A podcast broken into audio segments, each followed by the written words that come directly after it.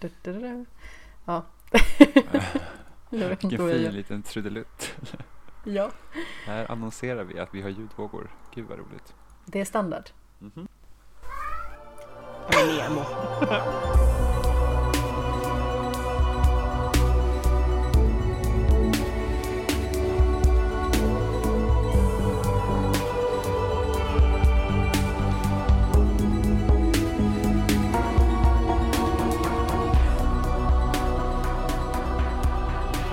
Hej och hjärtligt välkomna till den 31 episoden av Skämshögen med mig Amanda Sten och återigen denna vecka Jimmy Seppele.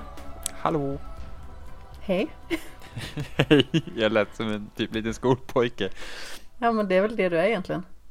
Ja, kanske inte liten och ingen pojke. En stor, Och stor inte man. skol. Nej, stor skolman. Jo, men jag går i skolan. En stor skolman. Jajamensan, det lät faktiskt lite hemskt. Jag får en liksom väldigt suspekt bild i huvudet. Ja, jag vet. Det var pedofilvarning på den meningen. Det var du som sa det. Ja, jag bara sa det alla tänkte. Det är lika bra. It's out there. Hur är det med dig? Det är bra. Hur är det själv? Det är faktiskt väldigt bra. Jag är så nöjd. Jag eh, tränade innan vi eh, spelade in det här. Och så är min kompis eh, också instruktör. Så jag önskade till henne att vi skulle göra ett speciellt sorts lyft. Som jag tycker är ett av de roligaste att göra. Och jag satte personbästa. Ja, vad var det för lyft? Styrkevändning. Vad är det? Eh, man startar sig med ett marklyft och sen ska man landa stången på framsida axel. Så det är en explosiv Jaha. övning. Okej. Hur tungt? 67 och en halv. Ja, ja, det är bra. Jag var jätteförvånad att jag ens tangerade. Vilket jag gjorde först och blev så här, vänta, va? Oj, för jag har inte gjort det här på jättelänge. För jag Mm. hinner inte lyfta lika ofta och det är lite deprimerande för jag älskar lyft. Jag älskar ju både styrkelyft, alltså då marklyft och knäböj. Eh, bänkpress har jag inte mycket till övers för, för jag tycker det är så onödigt. Men eh, sen tycker jag om olympiska lyft också, vilket jag är eh, lyftarcoach i dessutom. Ja, Så eh, både ryck och stöt. Och eh, därmed frivändningar också. Och eh, styrkevändning är ju en ganska så tung vändning. Så Mm. sett. Men eh, då blev jag väldigt glad. Och nöjd att jag från ingenstans när man liksom inte har maxat på så länge. Kunde slå till. mm. ja rätt som det är så är man stark. Ja men alltså ofta så kan det vara så att man liksom förväntar sig inte att man ska ta mycket just då. Det kanske är därför man liksom slappnar av lite mer. ja, men sen så kan det också bero på, har man sovit bra, har man ätit bra? Jag hade ju sovit på skillnad. tåget. sovit på tåget, laddat upp. Ja, alltså jag somnade ju innan tåget lämnade perrongen. Mm. Vaknade till när eh, konduktören petade på min arm. Jag visade mitt kort typ i sömnen. Och sedan så somnade jag om och sov ända tills jag kom in på Alingsås station. Mm. Jag vågar inte sova så på tågen för att jag är rädd att åka förbi mina stationer. Ja, men jag har ju eh, en station åt bägge håll. Mm, det är skönt. Det är det faktiskt. Ibland så kan det vara så att när jag jobbar på sommaren, när jag åker så långt så försöker jag alltid läsa. Mm. Och då är det så jäkla jobbigt när man är trött och bara man nickar till och nickar till med den här jävla boken. Men det har också ungefär 40 minuter till... Är det Märsta? Har en timme. Prick. Oj, det är så långt. Yes. Och så tar det typ en kvart att gå från tågstationen till jobbet. Jaha. Så att eh, det, det är en bit. Ja. Jag har ju 40 minuter med tåg och sen så har jag buss efter. Mm. För jag ska ju ut på den lilla ön Hisingen. Eller den lilla ön, det är en av Sveriges största öar. Så. Ja. Hur lång tid tar bussen? 10 minuter ungefär. Mm. Det är ändå rätt så långt att pendla. Ja, alltså det är ju det. Jag funderar ju på att potentiellt göra någon form av lösning med att i och med att jag är den enda på företaget som gör det jobb jag gör och jag behöver inte kommunicera till någon mer än via mail. Eh, det jag gör eller jag behöver väldigt sällan ställa frågor liksom på det sättet i och med att det är jag som i stort sett har byggt det här systemet Mm. som eh, jag håller på att eh, sysselsätta mig med om dagarna. Eller systemet, själva upplägget. Mm. Så eh, då skulle jag egentligen kunna jobba från Alingsås vissa dagar istället. Och bara pendla några dagar i veckan till Göteborg. Jag har ju fortfarande klienter i Göteborg. Jag har fortfarande några pass i Göteborg. Så jag tänkte att det kunde vara tråkigt att släppa det helt. Men att man kanske är inne i Göteborg två, tre dagar i veckan istället för fem dagar. Mm. Det skulle nog göra ganska mycket, jag tänker så här livskvalitativt på något vis att jag är ju slut verkligen när jag ska hem. För att jag behöver gå upp jättetidigt och eh, åka min väg. Det kan bli lite stressigt på morgonen och så vidare och så vidare. Mm. Och sen så sitter man liksom och plöjer arbete hela dagen. Jag tar ju ingen lång rast eller sådär. Bara för att jag eh, vill hem så tidigt som möjligt. Så jag tar ju typ 5-10 minuters lunchrast sen så plöjer jag på igen. Mm. Ja, man blir fan seg att resa alltså. Mm.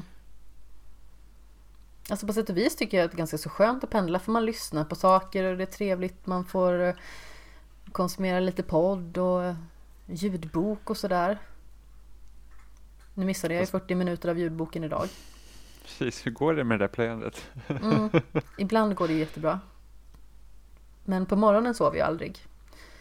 Utan eh, det är bara på vägen hem jag sover. Det är ingen mening att försöka sova på morgonen. För att då vet jag ju bara att jag kommer ju vara ett yrväder bara när jag vaknar upp istället.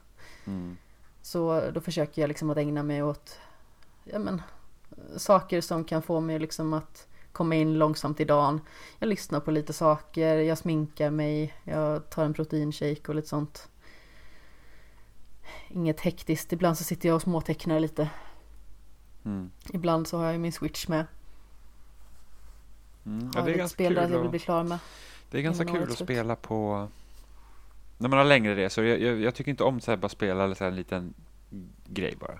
Alltså, Nej men jag då är vill- det jag nästan liksom- inte meningen. Nej, så tio minuter och ta fram så här switchen och det, det funkar inte. Men liksom när man har åkt längre resor, som att jag spelar Luigi's Mansion 2. Ja, Eh, och då är det ganska skönt. Även om jag hade liksom så här hund i knät och det var trångt. ja, Men då kan man i alla fall spela så här en och en halv timme.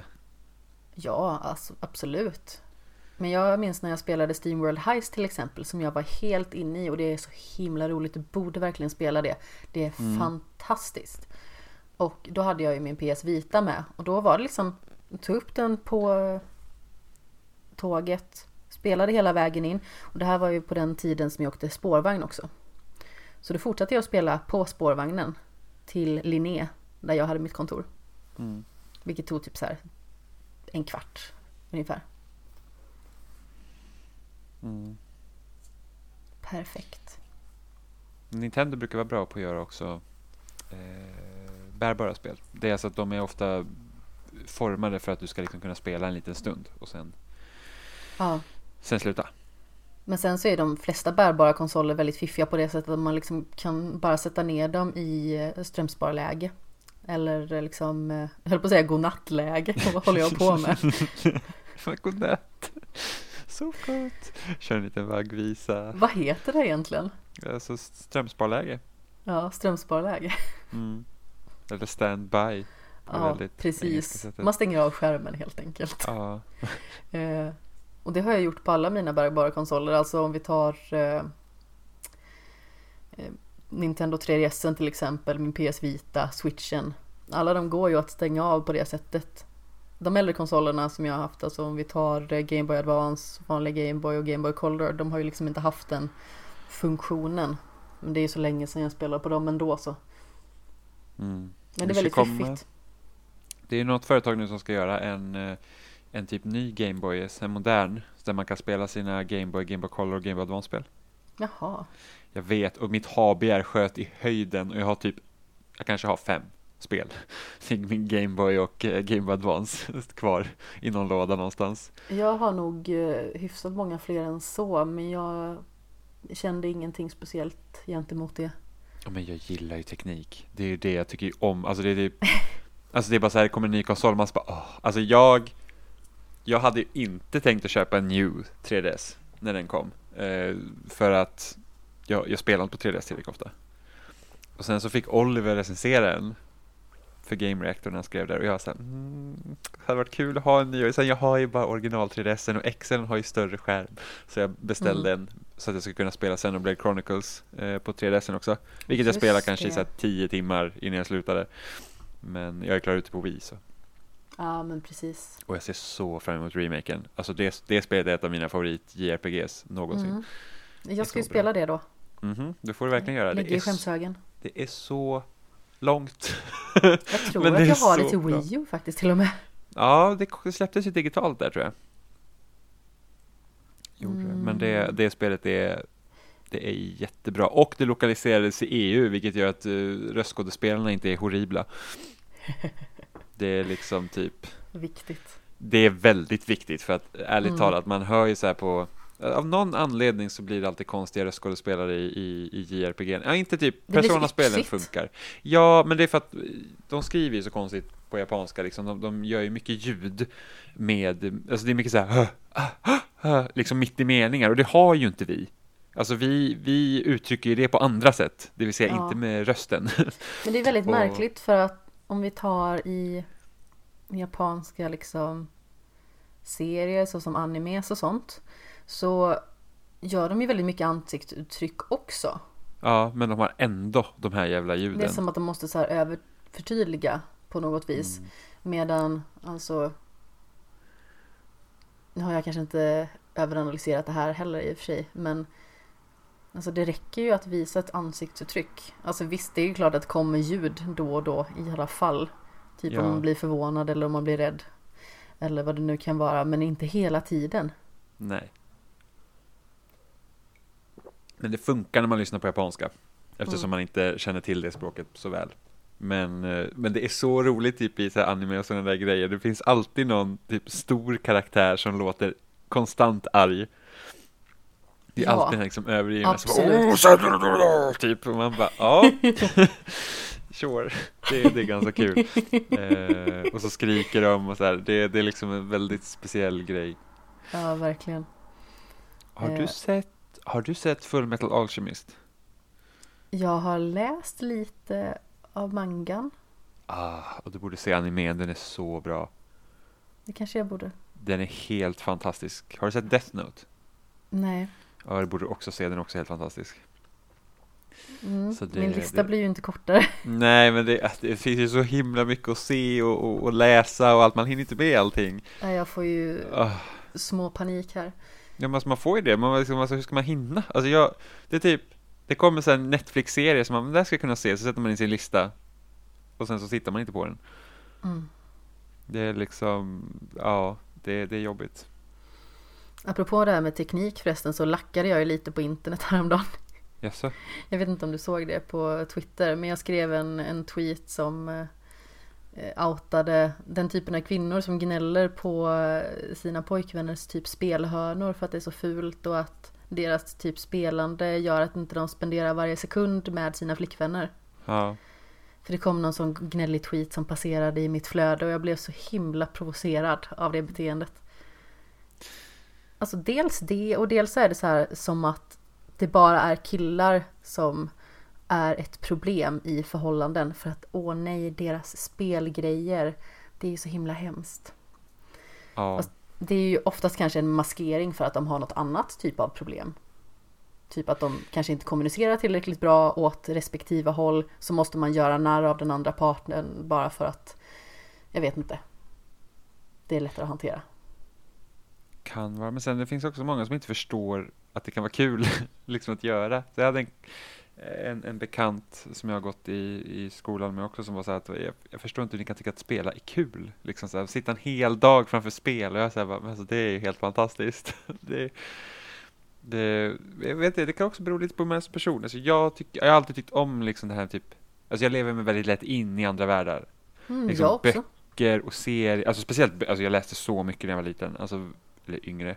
Jag Alltså också. verkligen, bara läste hur mycket som helst. Bara, bara så, här, så fort man läste ut en bok så var det en ny på biblioteket liksom. Eh, Mm. Det spelar ingen roll vad det var för någonting. Det var bara så det här såg intressant ut, låna den läser. Eh, Jag känner igen det. Och jag tror att det gör också så att spel, då får man liksom vistas i sådana miljöer. Och då blir det blir också lättare att man liksom bara så helt sjunker in i det. Ja, men jag är ju intresserad av alla medium. Eller inte Mm. alla, men många popkulturella medium. Ja, Liksom. Speciellt tv-programmet Medium på TV4. Nej, nej. Åh, jag brukade kolla på det okända. Det var så dåligt. Men det var så Ja, ja. kul att kolla på för att folk är så eh, fullkomligt övertygade. Fast det är faktiskt väldigt roligt. Alltså jag är också fascinerad av sånt. Ja, men det är typ så här, bara jag poppar popcorn och kollar på de här konstiga människorna. Ja, men jag kan tycka det är kul. I och för sig så var faktiskt Medium, alltså det med, vad heter hon, Patricia Arquette? Nej, jo, nej. Det är nog det. Jag har ingen aning. Jag har inte Ja. sett på det mer än typ att det har passerat förbi någon gång när Ja. man har eh, zappat. Ja, men det, det var liksom helt okej. Nu följde inte jag den serien slaviskt liksom, men, men man kollar liksom något avsnitt där och då och sådär. Och det, det var helt, det var helt okej. Och sen hon är jättebra skådis också, så att. Så att det var, det var, det var fine. Mm. Men så tycker Ja. jag att spökhistorier och allt sånt tycker jag är jättespännande. Det, ja, alltså det absolut. Det är det. Ja, jag var bara tvungen att gnälla av mig lite till kring saker för att jag tycker att det är så fånigt. Ja, men faktiskt lite så. Alltså det är liksom. Men det är alltså, här, varför klankar man ner så himla grovt på andra människors intressen? Alltså i synnerhet Ja, men tror om inte att det är de där en människorna som partner, inte liksom. har speciellt några egna intressen. förmodligen Det är är det ju så. Det finns ju jättemånga sådana som bara det, liksom, de har inga andra intressen. Mm. Men jag skrev det i eh, svar till någon annan. Eller alltså, det var en person som höll med mig och jag liksom skrev att ens partner är ju liksom inte ens privat underhållningstjänst. Nej. Man måste ju liksom kunna ha egna intressen och sen så är ju egentid, i alla fall för mig, tycker jag att det är en väldigt viktig aspekt i ett förhållande för att man ska liksom inte vara låsta vid varandra hela tiden. Man behöver inte vara fastväxta. Alltså i synnerhet inte om man bor ihop. Alltså man behöver liksom tid för sig själv och liksom göra sina egna prioriteringar. Skulle man hela tiden göra alla saker tillsammans liksom? Det funkar inte. Men man är två olika personer. Ja. Och jag vet att jag tycker att det är jätteskönt alltså just den grejen att umgås men göra olika saker. Man behöver inte säga ett ord. Alltså man kan vara tyst i flera timmar i sträck. Och sedan Ja. så kan man ändå liksom ha haft hur trevligt som helst tycker man. Ja. Jag håller med.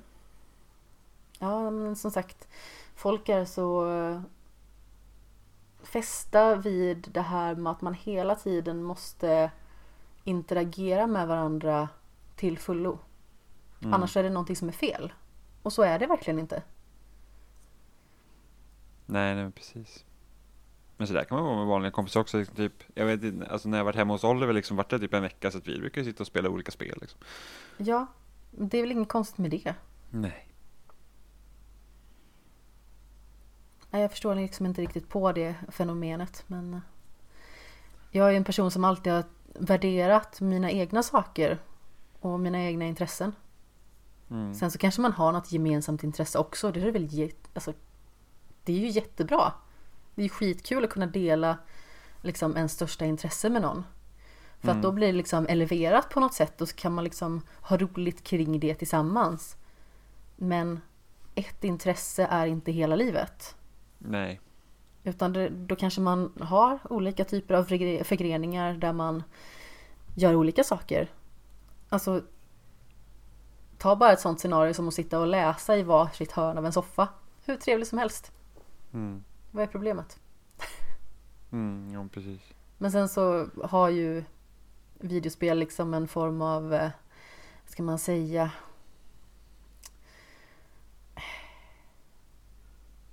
det har ju inte samma status som andra saker. Jag tror inte att någon liksom skulle klaga på åh min, min pojkväns bokhörna är så jobbig.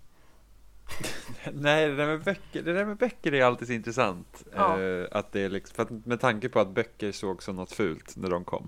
Ja men precis, alltså jag menar när eh, Gutenberg liksom uppfann tryckpressen då var det ju världens hädelse. Ja, det tar från teatern, det är ingen konst. Eh, Nej precis. Så att, eh, och nu är det så här Teater är ju så våldsamt gammalt också. Ja, det är det.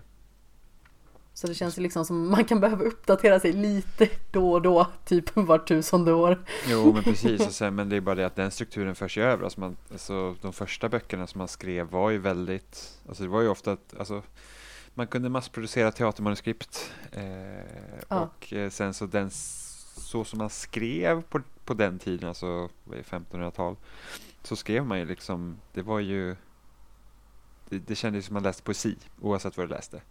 Mm. Eh, och sen när romanen kom så var det ett stort genombrott. Som typ Jane Eyre är typ, om jag för mig, är typ en av de första romanerna. Eh, Det är mycket är, möjligt. Jag har för dålig koll på det där. lite- Jag kommer inte ihåg, jag har gått igenom det här. Jag kände att jag häftade in Gutenberg där liksom.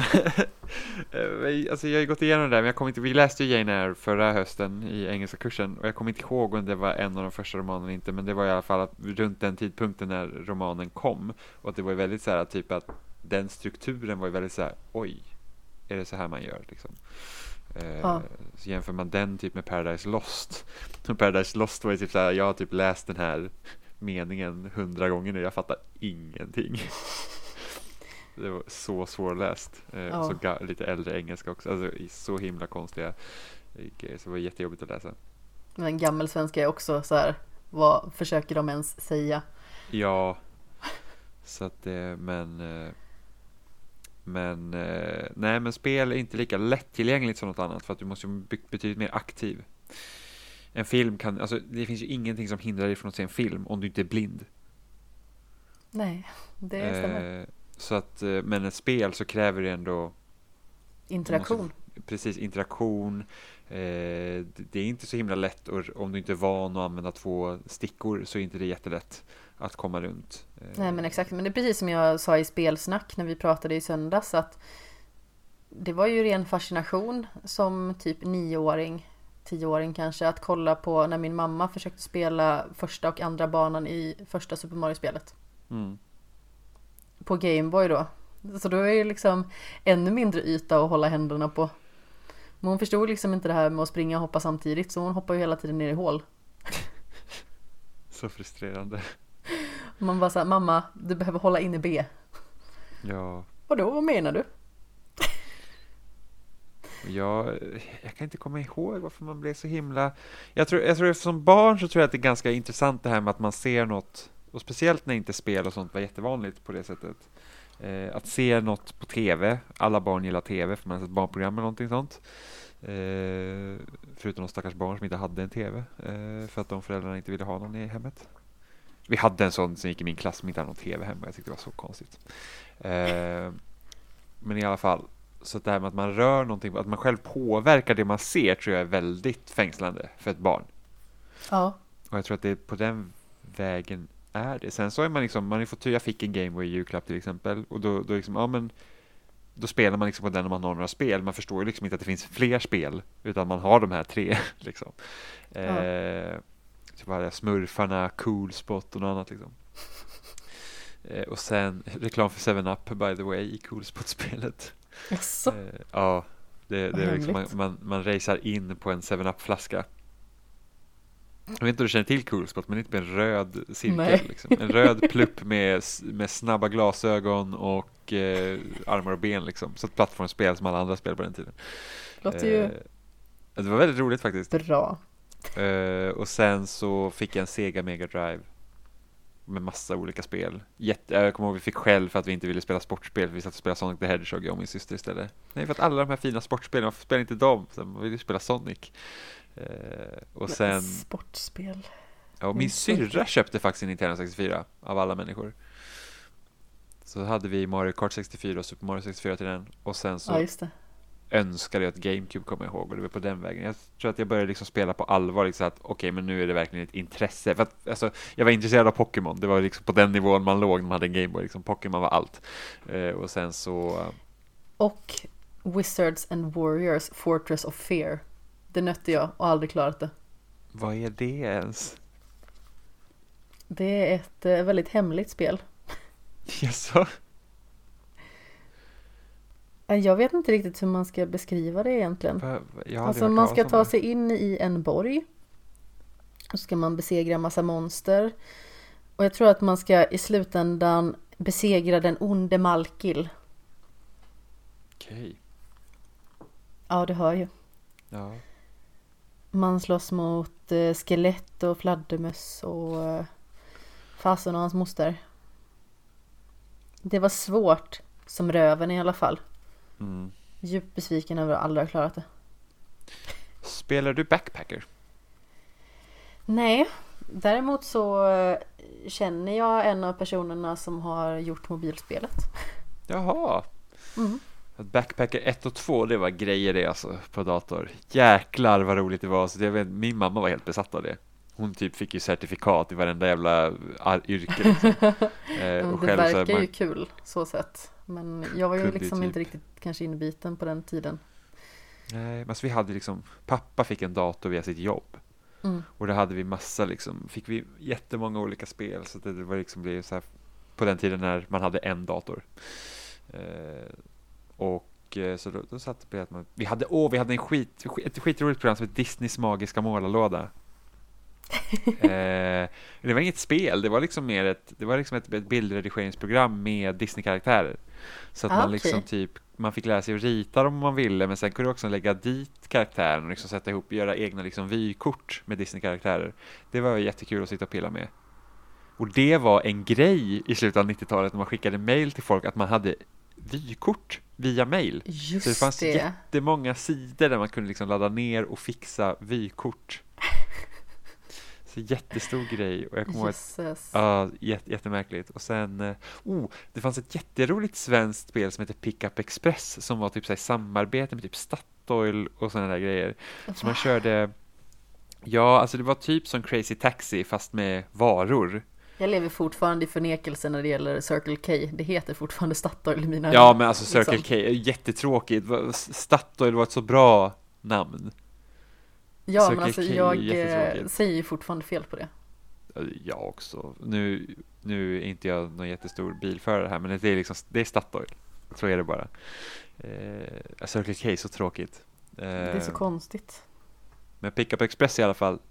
Så att man, man liksom fixar att ja, man hämtar upp ett mjölkpaket och sen så skulle du köra till ett visst ställe och så lämnade mjölkpaketet och då fick du en ny vara och så, skulle man, så samlade man poäng på det sättet. Eh, det var väldigt roligt och sen så fanns det ett multiplayer-läge i det. Som man, jag tror man kunde köra via nätet om man ville men det gjorde aldrig jag, jag körde bara med bottar. Så det var så att ja, men du, det finns en bomb på banan och du ska inte ha bomben när, den, när tiden går ut. Så att då ska man krocka in i en annan bil så har den bomben och så får man åka runt. Jaha. Eh, jättespännande och sen det var första gången jag laddade ner ett DLC till ett spel. Det här måste ha varit typ 99, 98 någonstans. Så man kunde ladda ner Toyota Celica från deras hemsida. Det var typ den snabbaste bilen i spelet. Skitroligt. Alltså hade typ de gjort en remake på Pickup Express så hade jag köpt det. Förmodligen hatat det för det hade säkert inte varit bra idag. Men då var det kul. Alltså jag spelade ju typ såna här, ja men Hugo. Ja, Jag hade två stycken så här Trollet Hugo-spel. Sen så hade jag en del Disney-spel. Jag hade Lejonkungen, Simbas skatt. Det var jätteroligt mm. Jag hade Ringaren Notre Dame. Som också var så himla hemligt. Eh, vi hade på det här Ringaren Notre Dame fanns något som hette så här Jolly Bowling. Som eh, då innebar bara att man skulle med geten Jali stånga ner typ invånare som hade ställt upp sig som en bowlingformation. Nej men gud. Ja, så jag och pappa spelade det och han bara så, jag är så bra på Jali bowling. Jag tyckte att han var jätteviktig för det. Så himla skoj och han tycker liksom inte att spel är så jättespännande. Men det var väldigt Nej. roligt att han liksom bara så, jag är så bra på det. Så jag kan inte förstå spel som inte tycker spel är sp- är spännande. Vad är det som Ja. inte är spännande med spel? Ja, jag vet Alltså det, inte. det, men det ska vara skitintressant att höra någon. Man, tar, man samlar ihop ett gäng eh, människor och sen bara som inte tycker om spel och så bara, varför? Alltså vad är det som inte är roligt? Mm. Nu, nu, nu tror jag säkert att jag är helt övertygad om att alla människor där ute har något spel som de skulle tycka om. Ja, det, det eftersom det finns så också. många olika spel. Men liksom så här, att de som inte spelar idag, så här, varför är de inte intresserade? Alltså inte bara så här, nej jag är bara inte intresserad. Det måste finnas en anledning till varför man inte söker sig till den typen av upplevelser. Det Ja. har varit skitspännande. För övrigt spelade också Arvet från Rosemont Hill så jäkla mycket. Jag var inte det här med En typ period. häst... Eh, Ja, man spelade Ja. en tjej vars typ, om det var faster eller någonting, eller någon äldre släkting i alla fall hade avlidit. Och så skulle man ta hand om massa hästar och så fick man köpa nya hästar och, och, och rida och tävla och hoppa bana och sådana grejer. Det var ju så himla roligt. Det var fasen snyggt för sin tid. Mm. Spelade aldrig jag. Så, så jag, roligt. Jag vet att det fanns ett spel där man hade travstall. Där man typ tävlade, födde upp hästar och sen så kunde man köra dem också. För det var någon kompis, eller kompis, bekant eh, som hade det spelet. Jag vet inte vad det heter för att det hade varit asroligt att ha. Eh, liksom att man så här, föda upp hästar, köpa, sälja, liksom träna dem och sen ut och köra lopp liksom. Det hade varit skitkul. Ja, alltså jag hade velat ha typ en upphottad version av Arvet från Rosemont Hill. Alltså kanske med en annan berättelse som är lite mer engagerad för liksom en 27-åring då. Mm. Du har inte kollat jag, jag är ju liksom inte 12 längre. Men jag har faktiskt inte gjort det så jättemycket. Nej. Det fanns i mitten av 2000-talet så fanns det en sida, för du vet det fanns så webbaserade spel. Mm. Eh, du vet, det fanns, jag vet att det fanns något eh, för fotboll, jag kommer inte ihåg vad det heter, men det är liksom typ football manager fast på nätet liksom. Så att man eh, har ett lag och sen så köper man sig spelare och tränar dem och lite sådana grejer. Så att, och sen så går, typ så, ja nu sätter vi de här träningslägret, tar 24 minuter eller någonting sånt och så måste det ta 24 riktiga minuter liksom. Eh, men det fanns en, en, eh, ett spel för, med eh, travsport också som heter Sulke.nu det var skitroligt att sitta så Då fick man så här, köpa, sälja hästar, träna hästarna och sen så fick de gå lopp och sådana där grejer. Och sen kunde man typ betala riktiga pengar för att få vissa grejer. Så, men det, det stängde ner sen. Men du måste ju ha varit medlem på Hogwarts.nu. Eh, nej. Ah, gud. De hade värsta grejen alltså. Det var det var, det var liksom, man kunde typ rollspela som var typ på Hogwarts Oj. Eh, och så kunde man, det var, men det var ju typ ett glorifierat forum och de höll ju på att utveckla liksom så här typ ett RPG-system och sånt så det skulle komma ett riktigt quidditch-spel som de sen la ner för de lyckades inte göra det men, men liksom tanken var så att jag hade jättemycket folk som jag chattade med där och typ men hade när sa du att det här var? Jag måste ha 2000, 2002, mellan 2002 och 2005 tror jag jag var väldigt begränsat inne på internet kan jag säga. Ah, Okej, okay. jag var rätt så tidig. Ja, men det har du sagt. Jag var inte eh. alls inne mycket. Jag hade typ sådär, du får vara inne en halvtimme, en timme om dagen ungefär. Uh. Jag minns att jag var inne på stallet.se ett tag. Ja, nej, jag... Eh, inte för att vi kunde vara inne på internet så mycket man ville, men en del, en del på internet. Mm. Så jag var... Även om vi inte hade liksom, det tog jättelång tid innan, alltså jag hade inte ett riktigt bredband förrän jag flyttade hemifrån. Men vi hade liksom, jag tror att vi, vi körde väldigt länge på telefonlinan och sen så jag kommer ihåg jag beställde typ de första Alias DVD-boxarna på fucking telefonlinan, det måste vara 2004, 2005.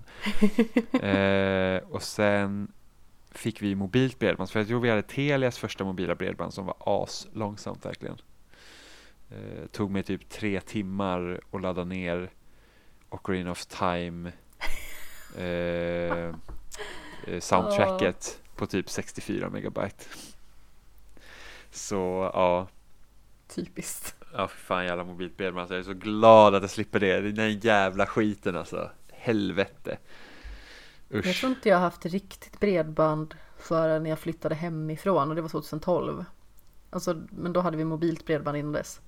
Jag flyttade 2015. och då hade jag ändå mobilt bredband ett tag. För, ja. inte, för att jag, det var så att jag vet inte om jag ska flytta liksom snabbt igen. Eller så Ja, men precis. Så, så, men, det, men sen fick jag en eh, bredband och sen jäklar. För att jag köpte ju även, jag kommer ihåg typ sista spelet jag köpte på skiva var typ Uncharted 4. Eller något sånt. Och det var ju 2016 tror jag. Oj, ja. Eh, och sen var det så att nej, nu köper jag allt digitalt, jag orkar inte ha, speciellt när man liksom att man vet att man kommer behöva flytta, så är det skitskönt att inte ha massa grejer. Så att nu köper jag alla mina spel digitalt, utom på Switch, för att Nintendo litar jag inte på. Eh, jag har faktiskt köpt ganska så mycket digitalt på Switch, däremot så det finns så vissa titlar då och då som jag vill köpa alltså i fysisk form. Jag ska ju beställa Outer Worlds till exempel. Och den tror jag att jag vill ha hellre i fysisk. Men jag vet inte, jag tror att det är så här lite dyrare men, spel. Men varför? Jag vet inte. Varför vill du ha det fysiskt? Jag kan inte ge en vettig förklaring på det. Alltså jag vet inte, det är någonting med så här när ett spel är lite dyrare i originalpris Mm. så känns det så här säkrare att man har skivan på något vis. Men säljer du vidare spel någon gång? Ja, det händer ibland. Ja, okej. Väldigt, väldigt selektivt men det har hänt. Jag har sålt ett spel hela mitt liv. Ångrar det djupt. Pokémon Snap. Men just det, det sa du nog många gånger.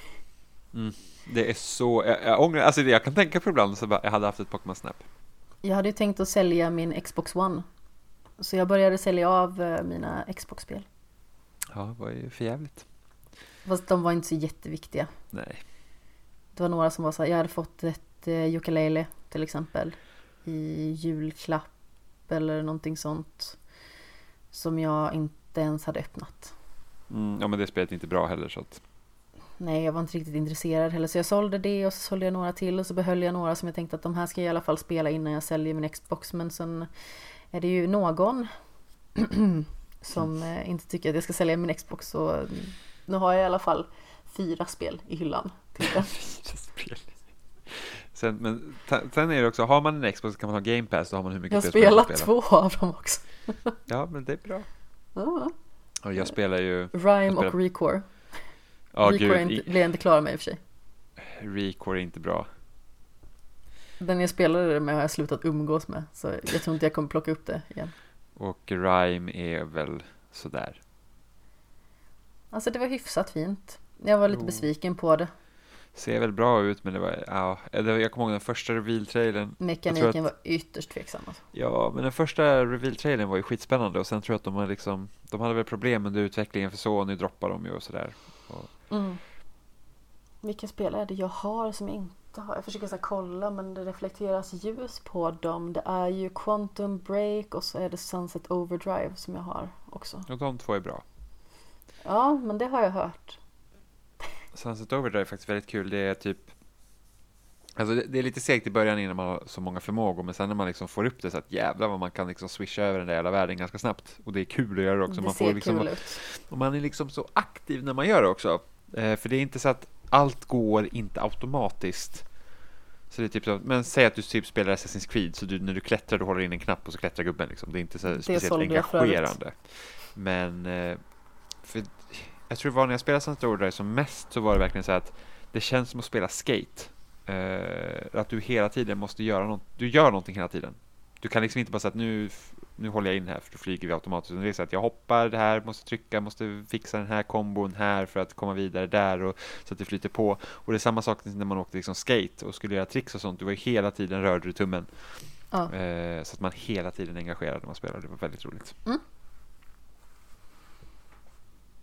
Det kan jag tänka mig. Mm. Får se om jag kommer spela dem. Det kanske aldrig Finns- händer. Nej, det, kanske finns ju händer. så, det finns ju så mycket att spela hela tiden. Det är jättesvårt. Speciellt om man liksom vill hålla sig uppdaterad med Det spel. lättaste är ju när man är ledig. Jag kommer vara ledig hyfsat mycket i jul. Ja. Ja, Och jag var ju ledig i brukar, somras. jag, jag brukar, under julen så brukar jag faktiskt kunna pressa typ två spel i alla fall. Mm. Jag pressade Eller- ganska så många spel i somras när jag var ledig. Men sedan så eh, kände jag bara så här att nah, nu eh, vet jag inte riktigt vad jag ska börja på. Så då satt jag och tog lite troféer i Fifa. Ja. Typ mot de sista dagarna där. Mm. Ja, men ibland är det så. Men det, Ja, men jag har ju såna här perioder liksom. I vissa perioder, jag kan plöja så många spel. Så att det är fånigt verkligen. Sen i vissa perioder så är det typ så här. Jag kan ju lätt komma upp i tre filmer om dagen. Bara jag bestämmer mig för det. Oj. Ja, alltså det är helt dumt i huvudet. Men då somnar jag ju sent också. Och sen så kanske jag kollar på tåget. Och kanske tar en liten kik på lunchrasten. Och liksom sådana grejer. Eh, och sen så i vissa perioder så är det bara serier som gäller. Mm. Ja, jag har svårare att pressa film. För jag känner så att om man har sett en film så bara, ja men nu har jag sett den här filmen och liksom vill man låta den ligga lite. Men serier kan jag pressa. Men det är ofta så att, och en serie, man kan liksom bara pressa hur många avsnitt som helst i rad. För att det är liksom samma sak. Ja, men man är ju så investerad också. Och då är det liksom lätt att bara låta det rulla på. Men jag har sett hyfsat mycket filmer. De senaste i alla fall två veckorna har jag sett. Jag tror att det är åtta filmer. oj. Så jag såg ju Suicide Squad, jag såg Her, Usch. sen såg jag Fractured, Regression, Midsommar. Därefter såg jag Denial Hilton Incident, Battle of the Sexes och sen Beware the Slender Man som vi ska Mm. prata om alldeles strax hade jag tänkt. Mm. Det är ju eh, lite skräckmånad sådär som det ofta brukar vara i oktober. Och eh, på Svampriket så har de en välgörenhetsstream som heter Skräckafton. Och eh, jag tror att jag var inbjuden för två år sedan men kunde inte. Sedan så var jag med förra året. I tre stycken segment. Jag tror att jag bara skulle vara med på ett från början men sen så blev jag lite inkastad på fler. Ehm, Så först så var jag med på det här GameCube-spelet Eternal Darkness. Mm. Inte så bra. Ehm, Alltså, det är ju en klassiker. Det är mycket möjligt, det var fortfarande inte bra. Jag har inte spelat det. Alltid velat dock. Ja, nej, jag, jag tyckte inte att det var jättespelvärt av det jag, jag tyckte mest att det var märkligt. Det kan ju säkert kännas asgammalt. Sen så började jag ju spela Until Dawn också. På skräckafton. Ja. Det var mina första liksom, känningar på det spelet vill jag minnas. Eh, och sen så har jag ju spelat det med en kompis efter det. Men jag spelade också, eller ja, jag var med i studion när de spelade för jag vägrade att spela det. eh, Slender, jag tror att det är The Eight Pages, tror jag att det heter. Om vi tar undertiteln också. Och det är ju helt enkelt att man är ute i skogen och sen så hittar man olika typer av lappar som folk har lämnat efter sig för att de har sett Slenderman. Ja. Typ så här, han har inget ansikte eller alltså sådana grejer. Och typ någon eh, bild är det bara liksom eh, bara en teckning av Slenderman. Hur han ser ut i stort sett. Och sådana grejer. Och det är liksom ganska så rudimentärt ändå för det är ju inte så jättenytt. Men sablar vad läskigt det är. Man går ju liksom runt med ficklampa. Så går man runt på olika ställen och när man har börjat ta den första lappen. Då är det helt enkelt så att då börjar Slenderman jaga en. Och sen så ju närmare han kommer liksom, desto mer börjar bilden flimra. Helt plötsligt är han uppe i nosen på en och jag skrek ju rakt ut flera gånger. Det är så läskigt i spelet. Och alltså, jag tror att det har väldigt mycket med att uh, han dyker upp från ingenstans. Plus att man blir jagad, det är alltid läskigt att bli jagad. Plus att det är en mörk skepnad, det är liksom så många dåliga faktorer. Mm. Och sedan fick jag en inom citationstecken bra idé. um, häromdagen då att jag skulle se, det var en dokumentär som heter Beware the Slenderman.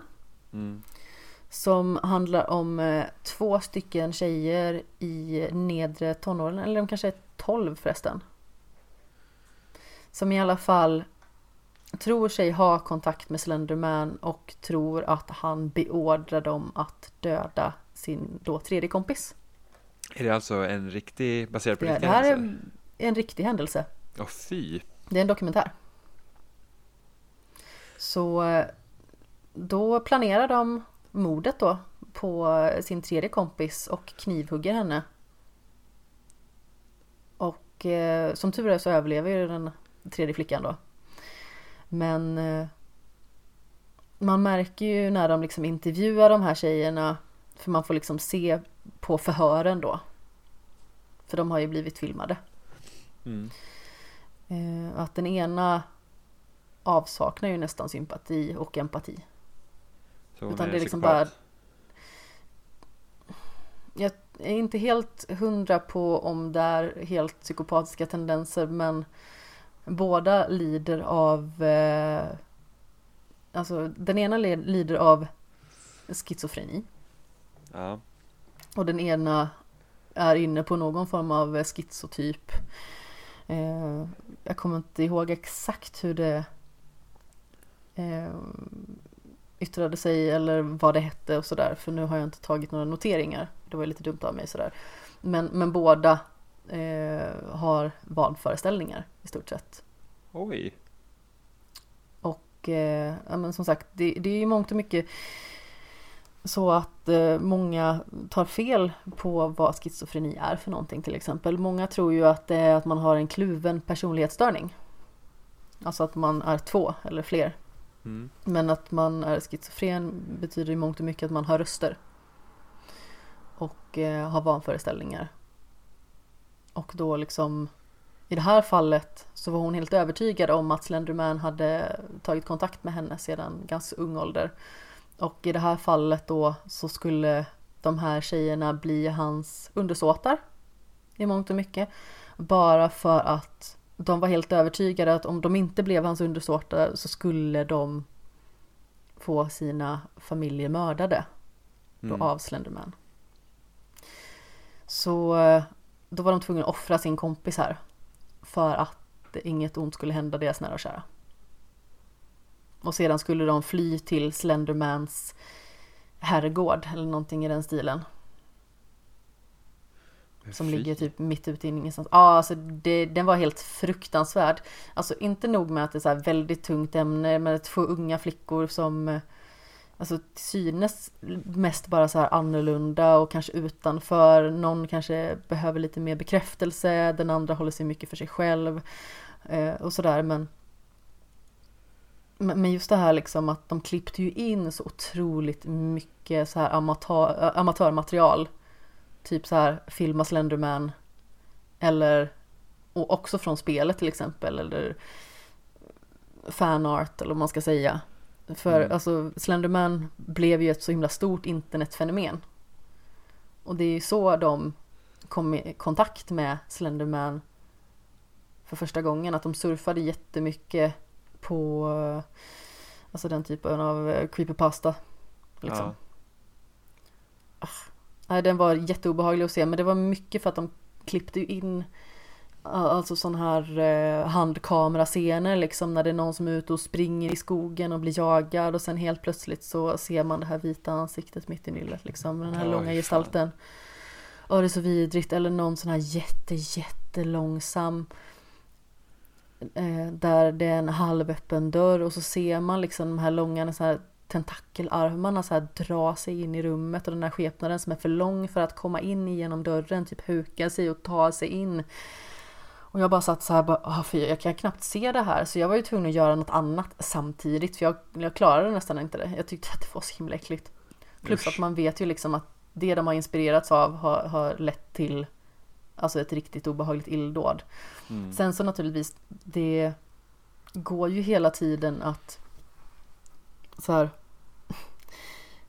den typen av människor som bara vill skylla på materialet tycker jag är väldigt fel ute.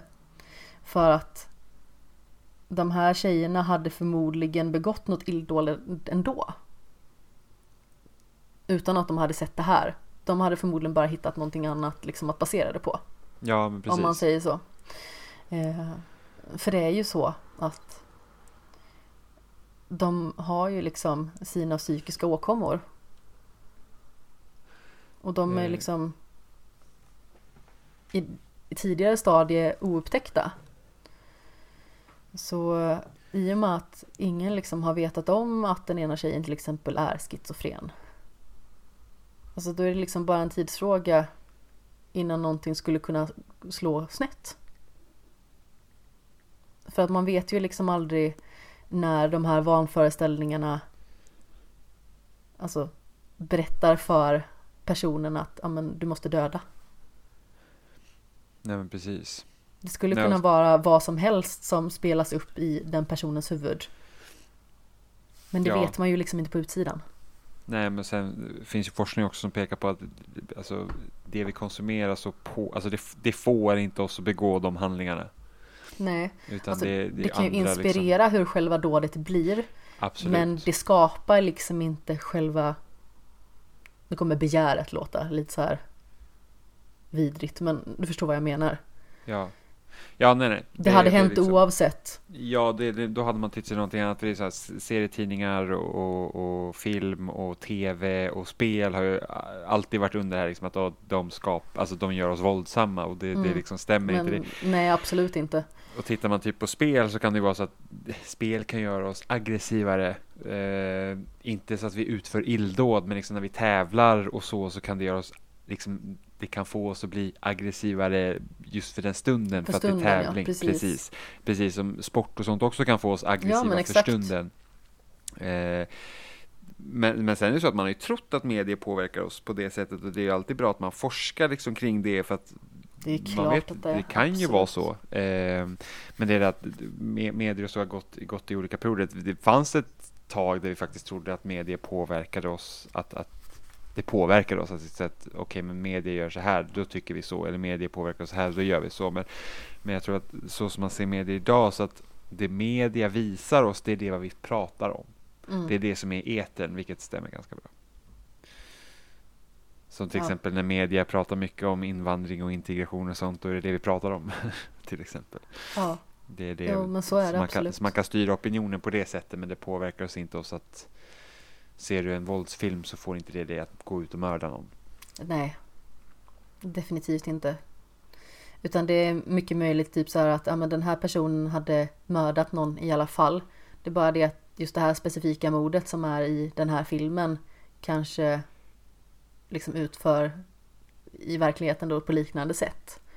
Ja, Men det som hade det lika det- gärna kunnat vara en annan film som inom citationstecken inspirerar, eller vad man ska säga. Men Ja. handlingen hade fortfarande liksom blivit av ändå. Det är liksom Ja. bara en fråga om när. ja men det var ju Och när hur- Jokern gick upp på bio så var det ju folk som så här, trodde att folk skulle bli helt knäppa. Man sa, men nej. Fånerier. Alltså jag, jag tycker sånt är så himla extremt. Sen så, det var ju väldigt många naturligtvis som hade varit med om eh, med den här skjutningen som var, visst var det på The Dark Knight eller var det på Dark Knight Rises? Det var nog Rises va? Ja, jag tror det också för jag vill minnas att det var lite senare. Det var någon av de två senare Batman-filmen i alla fall. Då var det ju en skjutning på en sån visning. Och då var det väl folk som blev paranoida i den aspekten såklart. Det, det är väl inte så konstigt för att det är en jätteobehaglig händelse. En fruktansvärd händelse som man liksom... Har man inte varit med om det kan man ju inte på långa vägar föreställa sig den terrorn. Nej, precis. Men eh, samtidigt så Just Joker till exempel har vi pratat om tidigare. Det är återigen samma sak där att han har psykiska problem. Han har allvarliga problem liksom. Mm. Och jag, jag tror inte att det liksom som han eh, utsätter andra för eller blir utsatt för. Jag, jag tror definitivt inte att det är liksom att det uppmuntrar på något vis till att folk liksom ska gå ut och eh, begå illdåd. Mm.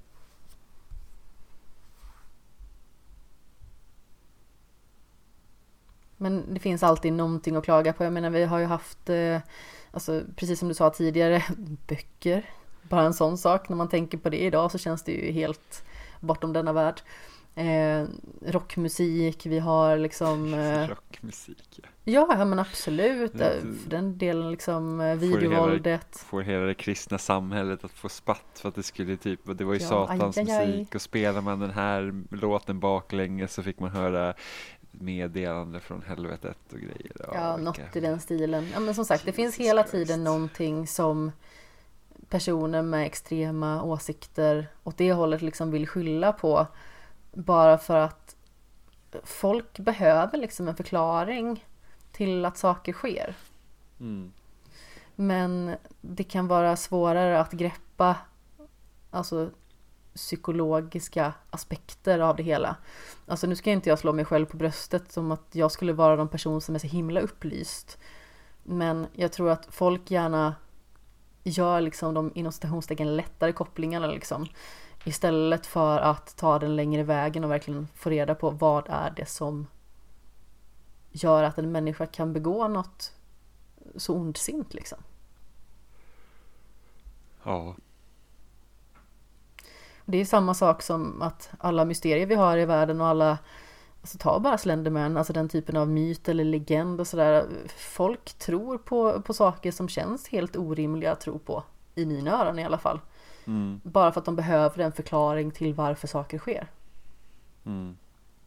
Oavsett om det är att man eh, behöver förklaring via religion eller om man behöver förklaring via att man tror på spökhistorier och sådana grejer. Så behöver folk hela tiden någonting att hänga upp liksom skeenden på. Mm. Och då tar man liksom oftast den inom citationstecken lättaste vägen för en själv kanske. Jag vet inte. Mm. Och sen så kanske man vill leva i någon form av förnekelse. Typ att, ja men, det här måste ju hända på grund av X. Bara för att det är lättare att hantera. Mm. Jag Samtidigt, känner jag att är, så, spåna iväg en bit. jag är så otroligt fascinerad över, över sådana grejer. Alltså jag, alltså när jag var yngre så var man väldigt såhär, ja men det är klart, så här, man tror på spöken och man tror på man tror på eh, ut, alltså utomjordingar så att det, liksom, de har varit här och Jag liksom vill ju att andra- magi ska finnas liksom. Ja, det är det, det, det, Hoppas fortfarande få mitt brev till Hogwarts, bara det Men- att det är 16 eller år försenat. eller hur? Det var ju liksom, alltså men det, Det tåget Sen- har gått. ja, för länge sedan. Jag är för gammal eller så här, jag har ingen magi i mig. Ja, men någon bara så här, kan Eh. de inte kontakta mig så kan jag bli professor. Men det är, så här, så här Bermuda-triangeln och sådana grejer, du vet att fenomen man inte kan förklara. Det, det, det är därför jag tycker om typ så här, ja, men som Lost är en sån serie som är, som jag är otroligt fascinerad av just för att det liksom, det händer saker där som egentligen är helt orimliga. Så tänk om, liksom, så att jag, eller fantasyvärld överhuvudtaget, det, det är kul. Jag, jag, Ja. men sig, jag har ganska lätt för att köpa saker också. Liksom att typ att det här händer i den här grejen, det är egentligen ganska orimligt men fuck it, det, det är så det är bara. Mm. Och då får det vara så.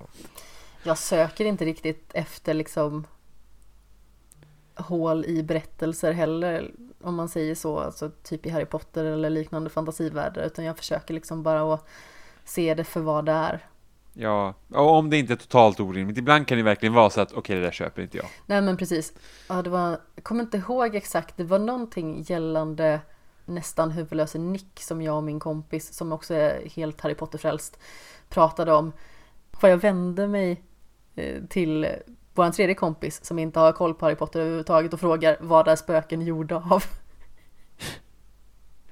Vad är spöken gjorda av? Och han bara så här kollar på mig och bara ursäkta. Hur blev jag inblandad i det här? Det var mest bara så här en orimlig fråga. Helt Mm. enkelt som eh, kom lite för naturligt för mitt eget bästa. Mm.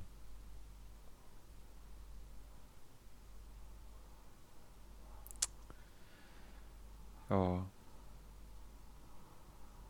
Lite magi sådär. Ja, definitivt. Är det någon magi i Billy Elliot? Ja, det, det kan man nästan säga att det är.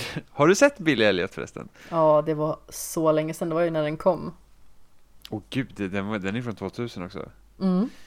Som sagt, det var länge sedan jag såg den. Jag ja. kommer typ inte ihåg den. Eh,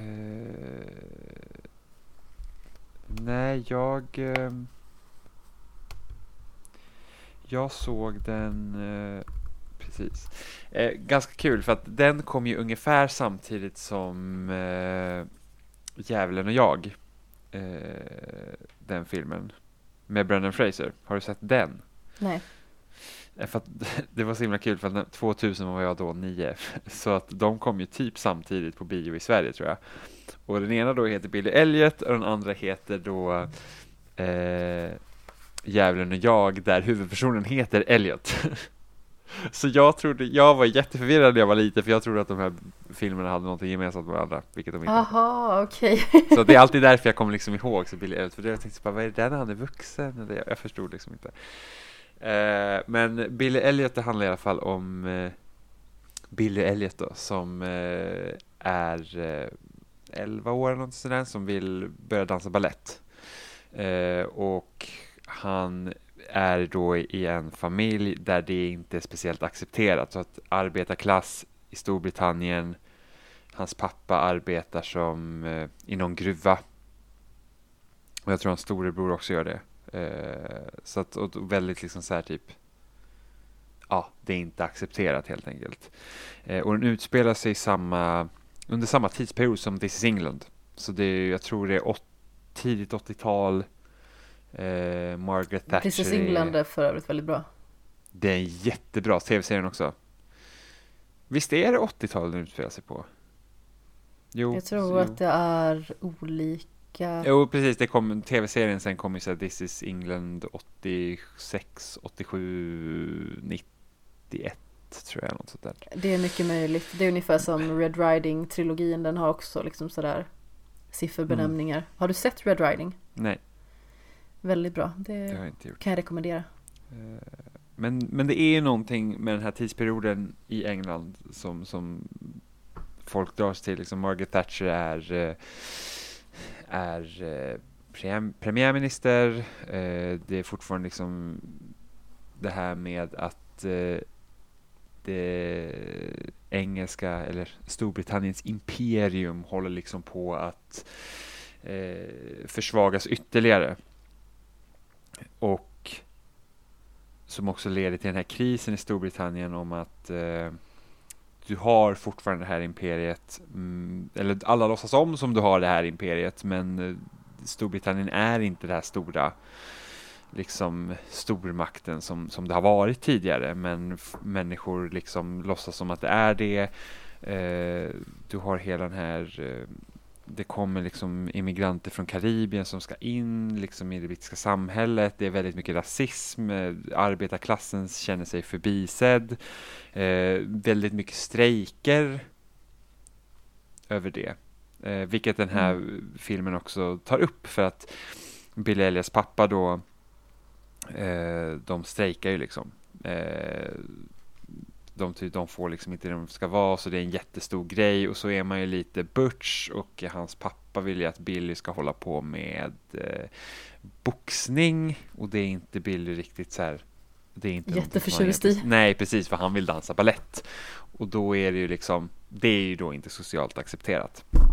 Så att han smyger ju med det här, liksom att han, Mm. han låtsas gå till boxningen. Men han eh, går och dansar ballett istället. Så att han, han lägger typ så här ballettskorna innanför byxlinningen samtidigt som han har de här eh, boxningshandskarna eh, runt, runt eh, halsen när han springer liksom iväg. Mm. Eh, och då är det ju hon som spelar Molly Weasley i Harry Potter-filmerna som också har en ganska stor roll i, Precis. i den här filmen. Och jag kommer inte ihåg vad hon heter. Jag är så himla dålig på namn. Jag brukar inte vara så dålig på namn men jag kommer aldrig ihåg vad hon heter. Hon heter Julie Walters. Just det. Och jag har inte sett henne i någon annan film än i eh, Harry Potter-filmerna. Kanske att jag har sett henne skymta förbi, liksom jag har inte noterat det, men jag har liksom aldrig tänkt på det, om man säger så. Det är ju ofta så med många skådespelare som har biroller liksom att de tittar ut lite här och där och sedan så ser man dem i någon lite mer framträdande roll och bara wow, det var den här skådisen är så bra och sen så när man skulle egentligen gå tillbaka och kolla på andra filmer så bara ja men här skymtar ju den här fram. Ja, men speciellt när man typ kollar på tv-serier. Så kan det vara så att den har varit någon gästskådis här och sen kanske man liksom inte har riktigt noterat den för den har inte varit någon så här större roll men man säger bara hmm, den där karaktären, alltså jag känner igen den där människan och så kollar man så IMDB liksom och så bara ja, jag har sett den därifrån, nu vet Ja. jag. Eh, så det är väl spännande. Men jag har inte sett, som jag minns att jag har sett henne i någon annan film så när hon har haft någon framträdande roll men hon är fasiken bra alltså. Ja, Hon är riktigt bra. Så, och hon har ju inte riktigt den här, alltså när hon spelar Molly Weasley i, eh, i Harry Potter så är hon ju väldigt liksom mysig eh, person. Och här har hon ju liksom en helt annan eh, roll liksom. Hon är liksom mer, hon är ganska tuff, vilket hon också är i Harry Potter, men liksom hon liksom, hon röker, hon har liksom, hon är, hon är liksom inte någon man så här Alltså hon är en tuff liksom eh, tant. Eller hon är egentligen 50 är hon vid det här tillfället så hon är egentligen inte tant så men liksom du vet äldre, lite äldre. Mm. Eh, inte purung. Nej men precis, det är liksom ingen så här 35-åring som dansar runt utan hon är ju liksom äldre. Eh, och hon ser då till liksom att Billy Alltså hon ser att han har någonting så att han lär sig ballett och han är liksom väldigt intresserad. Och det är, alltså jag tycker bara att den här filmen är så himla bra och det är något som jag alltid liksom är så fascinerad över när man ser eh, film från Storbritannien eller för den delen, jag tror jag nämnt det förut också, svensk film, att de känns så mycket mer jordnära än om det är en film från typ USA. För att USA känns alltid som att det har det här Hollywood-glittret över sig. Det är så liksom... överdådigt liksom så att det känns Ja. inte trovärdigt. Nej men precis, även om det kan vara väldigt bra där också, jag säger inte det. Men det, Absolut. det är något smutsigt filter över filmer från typ England eller Storbritannien som liksom det är bara så att det där är den grå verkligheten. Men det Och dras den är- närmare hjärtat på något vis. Ja, och den är inte alltid liksom så bra. Liksom, det är inte alltid vackert liksom. Utan det, det, det kan vara rätt så smutsigt och det är liksom det, det är bara så där har människor det. Ja, Det är liksom, exakt. Vilket, och jag tycker den här filmen är väldigt bra. Jag, jag har sett delar av den tidigare, när jag typ varit på typ tv eller något sånt, men jag har aldrig sett den liksom från början till slut. Mm. Eh, och jag tycker den är, jag tycker den är väldigt bra. För den, den liksom tar upp, den tar liksom upp så här grejer som identitet och liksom ifrågasätter det här, liksom, vad ska man säga, det manliga idealet överlag. Eh, för man då säger att både Billys pappa och brorsa ska ju vara liksom där att nej men alltså du, du, du ska inte hålla på med eh, Snubb i snubb. Kvinnligt kodiga, kodade grejer. Det är liksom arbetarklass, du ska, det- är liksom ditt liv liksom är att eh, du, du ska helt enkelt, du ska arbeta och försörja familjen, det är liksom det viktigaste. Eh, och du ska vara någon, du ska liksom inte vara, alltså det, det är otroligt viktigt, det är det manliga egot nästan. Mm. Och det är så himla fint sen, för att de, de får ju reda på liksom att han håller på att dansa balett, så de tycker ju liksom inte om det. Och hon, eh, hon den här, eh, hans lärare då, eh, Julie Walters, hon liksom kom ju hem till dem liksom så här skitarg och bara så här att ah, alltså han skulle typ ha någon audition på den här liksom skolan och då behövde han gå på typ en rättegång istället. Och, och hon typ skäller ut dem och de blir så här jättearga och sådana grejer. Och han smyger ju ändå runt liksom lite med det här eh, Mm. grejerna och sen så han det är någon kväll eh, där de eh, där han dans, han liksom är med sin kompis och så dansar de liksom ballett liksom bara så här på skoj, liksom bara liksom kul så hans kompis eh, har på sin här eh, liksom vad ska man säga, kjolen som man har när man dansar ballett. Eh, och så står de och dansar. Ja men precis. Eh, De säger vad den heter i filmen, jag kommer inte ihåg vad den är, men det är någon fransk variant. Eh, och då Någonting franskt. Ja men det är någonting franskt, för de, de anmärker i filmen, så bara ah, vad heter det här? Och han säger vad det är för någonting. Och sen så bara ah, varför heter det så? Jag vet inte, liksom, det bara heter så, det är franska. Liksom. Ehm, och då ser ju han eh, hans eh, pappas kompis som också var boxningsläraren då ser ju det här och då springer han liksom och hämtar dem och så går de dit och tittar och så här Billy liksom blir först väldigt förskräckt. Och sen så dansar han och bara visar liksom så här att hur eh, hur eh, viktigt det är för honom. Och sen hans pappa går bara därifrån. Eh, som man liksom skulle vara typ att, ja men fy fan, liksom, jag kan inte tro liksom att det här är min min son. Liksom. Och även hans brorsa är precis samma sak. Så att sådär liksom bögerier ska man inte hålla på med. Liksom. Det är Mm. precis det vad de säger. Eh, och, och liksom, ja, för att det här liksom, han, han håller inte på med det jag vill. Men sen är det så fint i den här filmen för att hans pappa liksom ändrar sig när han ser liksom det. Så han ändrar helt uppfattning. Så han går ju till hon läraren liksom och bara säger att, ja ah, men alltså, vad kostar det att eh, vad, vad, vad kostar det här? Liksom hela alltet. Och hon bara, ja men jag tar typ 200 pund eller vad det är. Och han bara, nej, nej vad kostar liksom vad kostar liksom det här eh, att, att få honom till den här auditionen till den här skolan? Hon bara, men det är en bussresa liksom till London. Mm. Eh, det, är inte, det kostar ingenting liksom att göra en, en provdans liksom. Så att han typ, så att han liksom tar tag i det. Han bara, nej men jag ska göra Hon bara, men jag, jag kan betala den. Liksom, det är ingen fara. Han, nej, jag vill göra det själv. Eh, och då måste han ju liksom tjäna ihop pengar till det här så att han bryter ju strejken. Och det är ju någonting som är otroligt laddat att göra. Ja. Alltså även idag, liksom, jag vet inte ens om man får, jag vet inte om det är tillåtet om du är fackligt anställd till exempel, eller att du är med i facket och det är strejk, att du får bryta strejken. Jag är för dåligt fackligt insatt. Jag är inte 100% säker, men jag, tror att är du med i facket och det är strejk, då får du inte jobba. Mm. Så är det bara. Och bryter du strejk så är det liksom väldigt dåligt. Och det, han gör det för att få liksom honom. Och det blir, vä- alltså hans storebrorsan då, tycker ju inte om det här. Och han, är, och han säger bara så han bara, "Men, alltså Billy ska inte, alltså Billy är liksom något annat, han ska liksom inte dras ner bara. För, alltså han, han, han kan göra något annat, liksom, han ska bara inte han ska bara liksom inte bara liksom fast i det här livet om inte han vill det. Liksom han liksom kan gå större. Så att, så att han bryter liksom strejk för att kunna tjäna pengar och så åker de till den här eh, eh, provspelningen i London och hans pappa har liksom aldrig varit utanför byn han har typ vuxit upp i. Eh, så det är också väldigt stort för honom. Så, här, så åker de dit och det går dåligt, tycker Billy, så han slår ner en annan unge. För det blir så väldig kontrast för att även om han Även om han liksom inte riktigt som sina föräldrar så är han ändå uppvuxen med det så att han är liksom lite Så det blir en väldig grej, så han slår ner en annan unge liksom så här. Ja, Eh, absolut. Och så och så det tycker inte skolan om, som är så här, varför gjorde det, sånt där tillåter vi inte, så det känns väldigt så här utbölingar liksom på, på det här stället. Eh, Men det slutar sen med att han kommer in i alla fall, för de frågar liksom honom så här, vad, eh, alltså, varför tycker du om balett? Och han sa bara, jag, bara, jag vet liksom inte, alltså, jag vill bara dansa typ.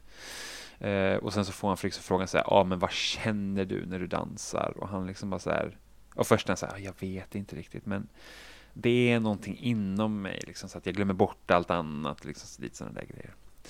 Eh, så att han, det slutar sen med att han, liksom, han får han får eh, komma in på den här skolan och sen när filmen slutar så liksom spolar de fram flera år, vilket man inte förstår då, för det är så här att pappan ser exakt likadan ut, brorsan ser exakt likadan ut och så, får se någon, och så sitter de där bredvid, bredvid Billys kompis som då ser vuxen ut. Och så slutar det med att man ser en vuxen Billy så här, han liksom, det här är då efter skolan Mm. eh, såklart. Eh, och han har liksom blivit en framgångsrik balettdansös. Jag tycker bara den här filmen var så himla bra verkligen. Alltså den är, Den är väldigt fin. den är väldigt fin. Så jag tyckte om den väldigt mycket. Och jag Som sagt, jag har ju inte sett den på jättelänge. Men jag minns att jag tyckte om den då. Mm. Nej, men det, jag kommer, det, var, det var väldigt mycket så när Netflix kom till Sverige. Och jag kommer ihåg att alla typ, Netflix är inte värt att ha för inga nya filmer finns på tjänsten. Och för Det mig ju då nya som, filmer hela tiden tycker jag. Jo men det gör det. Men alltså det, det, det är liksom inga så här, alltså du kan inte se de nyaste blockbustersen på film, liksom. När Netflix var det inte var kommit, 2012? Gud, det är skitlänge sedan. Jag har inte haft det så himla länge. Jag skaffade det Ja, kanske något år efter att jag flyttade hit. Och det var år... eh, 2016. Oj! Då kan du tänka dig då jag som inte hade bredband, så mobilt bredband med dessutom så här gräns på 20 gig i månaden som man fick använda. Skaffade Netflix direkt. När det kom, eller ja, inte exakt exakt kanske, jag vet inte om den typ lanseras här kanske september, oktober 2012. Eh, visst, man kunde ju se på datorn så här, men det var, jag tror inte att Netflix fanns på 360 här då. Och jag tror inte det fanns på PS3 här då heller. Eh, men det fanns på Wii U när den kom. Nej men herre. Och det var, vad kan det ha varit, början av december om det Wii U släpptes här, så här 12 december någonting så här. Och jag fick typ så här två månader gratis. Eh, via någonting, jag blev inbjuden, om det var via Spotify eller om det var någonting. Så jag tror jag har haft Netflix sen typ slutet av oktober eller början av november 2012. Så jag hade inte- Oj. och då fick jag två månader gratis. Jag, bara, jag hoppar på det här erbjudandet för att jag visste att Wii U skulle ha Netflix-appen. Och man kunde se och man kunde kolla på den här lilla paddan, gamepaden som kom till Wii U, så man kunde liksom se på den skärmen. Och då fanns det ju massa spännande så här indiefilmer som jag inte hade hört talas om, men det var så här bara fan, jag har Netflix. Jag skiter i om det här inte är typ de nya hetaste filmerna som finns då, liksom. Jag kan, ko- alltså, vad fan, bara för att det inte det här är den mest kända filmen så betyder det att det är dåligt liksom. Nej Så men jag exakt, alltså skaffar- typ eh, Perks of being a wallflower till exempel. Mm. Hittade jag ju där. Ja, Den är ju jättemysig. Ja, men precis. Den Och går jag- ju lite samma stuk som uh, Me and Earl and the Dying Girl, bara inte lika deppig. Ah. Ja, men alltså, det finns ju massa sådana bra filmer. Så jag, så jag skaffade ju Netflix och så är det typ, typ så här, Bronson, Fish Tank, eh, Precious, liksom sådana filmer. Så här, skitbra! Eh, så. Jag vet inte ens varför jag börjar prata om Netflix nu. Jag är helt såhär, uh, varför börjar jag prata om det? Men i alla fall, jättebra film. är Ja. Billy Elliot. Jag rekommenderar den till alla. Om man gillar drama. Jag älskar ju drama. Jag också. Trots mina så här topp tre var typ så här komedi, romantisk komedi. Och Pirates. pirat. Uh, Herrejösses. Men apropå det här med, eh, vet man känner igen skådespelare. Mm. Eh, Men liksom man kan inte riktigt placera dem alltid. Har du sett Atonement? Nej. Det tror det jag är inte. ju ett så här, krigsdrama i, i stort sett. Och eh, då såg jag ju den bara för att Keira Knightley var med. Jag har för mig att jag såg den när den kom. Så jag var väl så här 15, 16 eller någonting när den kom till Sverige. Mm. Men eh, eh, som sagt, Keira Knightley spelar huvudrollen. Och det har jag liksom så reflekterat över i efterhand att den som spelar emot henne, det är ju James McAvoy. Jaha. Och i andra roller så är det liksom så här Romola Garai eh, och Saoirse Ronan som sedan eh, kom upp eh, på senare år, alltså i eh, Lady Bird till exempel och Brooklyn. Hon har ju så eh, lurigt namn att eh, uttala, jag vet inte ens om jag uttalar det helt rätt jag heller. Men som sagt, det har ju Mm. mysko stavning sedan så är från Irland, men Saoirse tror jag att det ska uttalas i alla fall. Mm. Eh, sedan så är ju Benedict Cumberbatch med på ett litet hörn, också jätteförvånande. Så eh, han spelar någon väldigt lurig person som är obehaglig. Kan man inte riktigt tänka sig, men ja. Man känner inte riktigt igen honom vill jag minnas eller Mm. så jättemycket. Även att han har ju väldigt så här karaktäristiska drag i allmänhet. Mm. Men det var väldigt roligt i alla fall när jag gick tillbaka och, och såg den. Alltså för kanske fyra, fem år sedan eller någonting sånt. Och man bara så här, oj, där är ju den och den och den. Mm. Något som jag kan tycka är ganska tråkigt när eh, skådespelare sånt blir jättekända är att de får börja göra väldigt tråkig film. Det kan hända. Eh, som typ alla skådespelare just nu gör Marvel-filmer. Tycker alltså, så här är det. Ja, som, det känns ju lite fisigt kanske. ja, som relativt nybliven Marvel-fan så tycker jag ändå att det är ganska kul, typ så här, Paul Rudd. Alltså det är ingen människa som du liksom, människa, det är ingen skådespelare som anses bara, åh det här är en actionhjälte. Men han gör Ant-Man väldigt bra. Jag vet att du inte gillar Ant-Man. Jag tycker att Ant-Man är väldigt bra. Eller typ Benedict Cumberbatch ser jag inte heller som en actionhjälte. Nej, Men han gör Doctor Strange. Och Doctor Strange är ju egentligen ganska tråkig i eh, sin film. Alltså Doctor Strange är verkligen så här, mm, men han är väldigt bra typ så här Infinity War och Endgame, vilket gör att man tycker absolut. om den filmen mycket bättre i efterhand. Eh, men Han är ju en väldigt bra skådespelare men jag har ju väldigt svårt för när både han och Martin Freeman pratar amerikansk engelska. Det känns ju så malplacerat. Ah, Jag tycker det funkar ändå helt okej. Jag tycker det funkar sämre för Martin Freeman än vad det gör för Benedict Cumberbatch. Men, oj vilket knorr. Men jag kan Jag gillar ju tycka, brittisk engelska också kan jag tillägga. jo, jo, alltså jag har ingenting emot amerikansk engelska. Men när de båda dialekterna ställs mot varandra, då tycker jag brittiska låter mycket bättre. Men alltså det låter ju amerikansk brytning som att det är får som pratar liksom. Ja, men man låter inte lika intellektuell gör man inte och jag vet att man kanske inte ska liksom Ja, men lite så, det, det låter liksom lite billigare men eh, så ska man egentligen inte se på saker, egentligen. Nej såklart, men det är väldigt svårt att inte göra det. Jo, jo, så är det. Men man ska egentligen inte. Men sen så handlar det väldigt mycket om hur amerikaner kan uttrycka sig. För att de är oftast inte lika lågmälda som britter. Vilket också hjälper till att här, trycka på deras framtoning eller vad man ska säga. Ja, jo, absolut. Lite mer högljudda, har liksom en annan klang när de pratar. Mm. Och sen så finns det ju vissa som låter väldigt belevade, även med liksom amerikansk accent, så jag inte säga det. Jag vet att James Spader till exempel är en sån som jag alltid har tyckt, han pratar väldigt trevligt. Mm.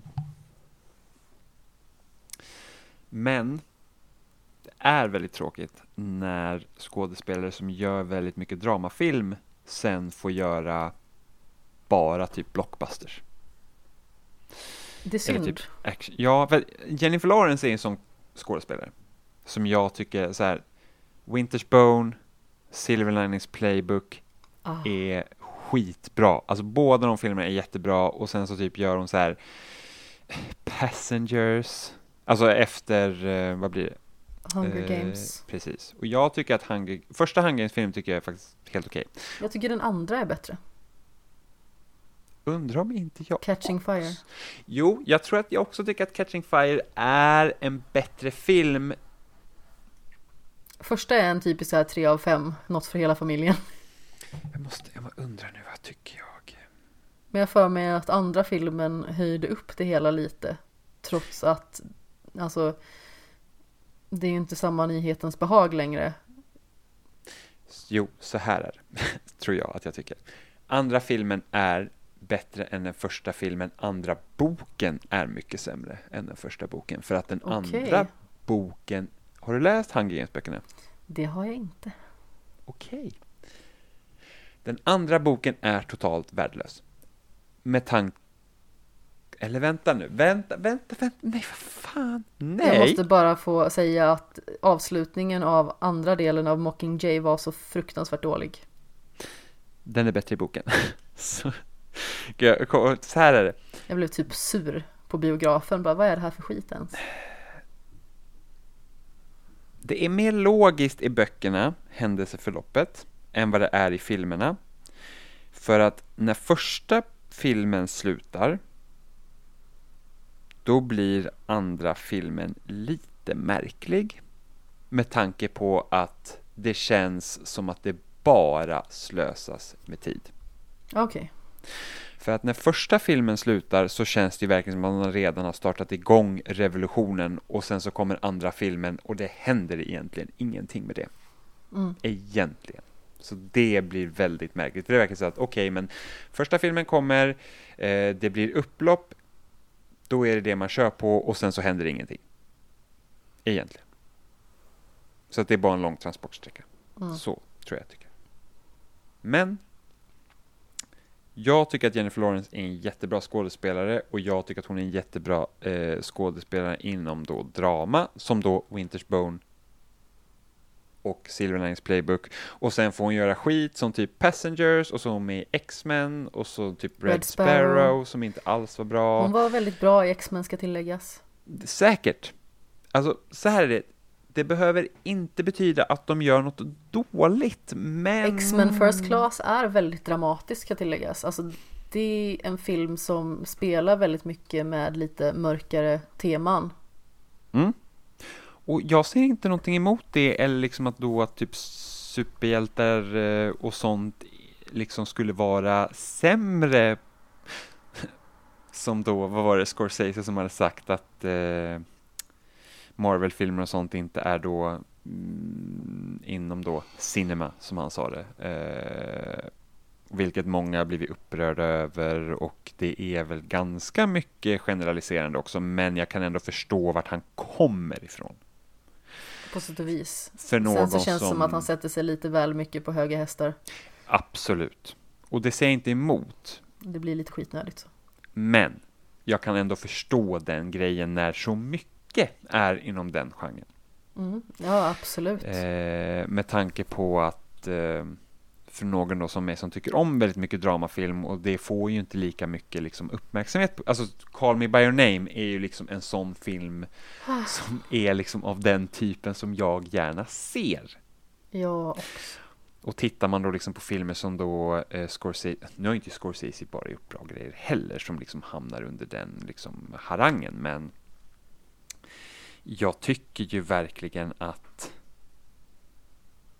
eh, liksom, ja men så ta filmer liksom som Taxi Driver eller eh, Mm. Wolf of Wall Street eller Tarantinos filmer och, och där är en ganska rolig grej med Tarantinos filmer för att han gör väldigt mycket film som har ofta de här stora shootouten som i Django Unchained där det liksom händer mycket grejer men jag skulle ändå liksom sätta hans filmer under drama.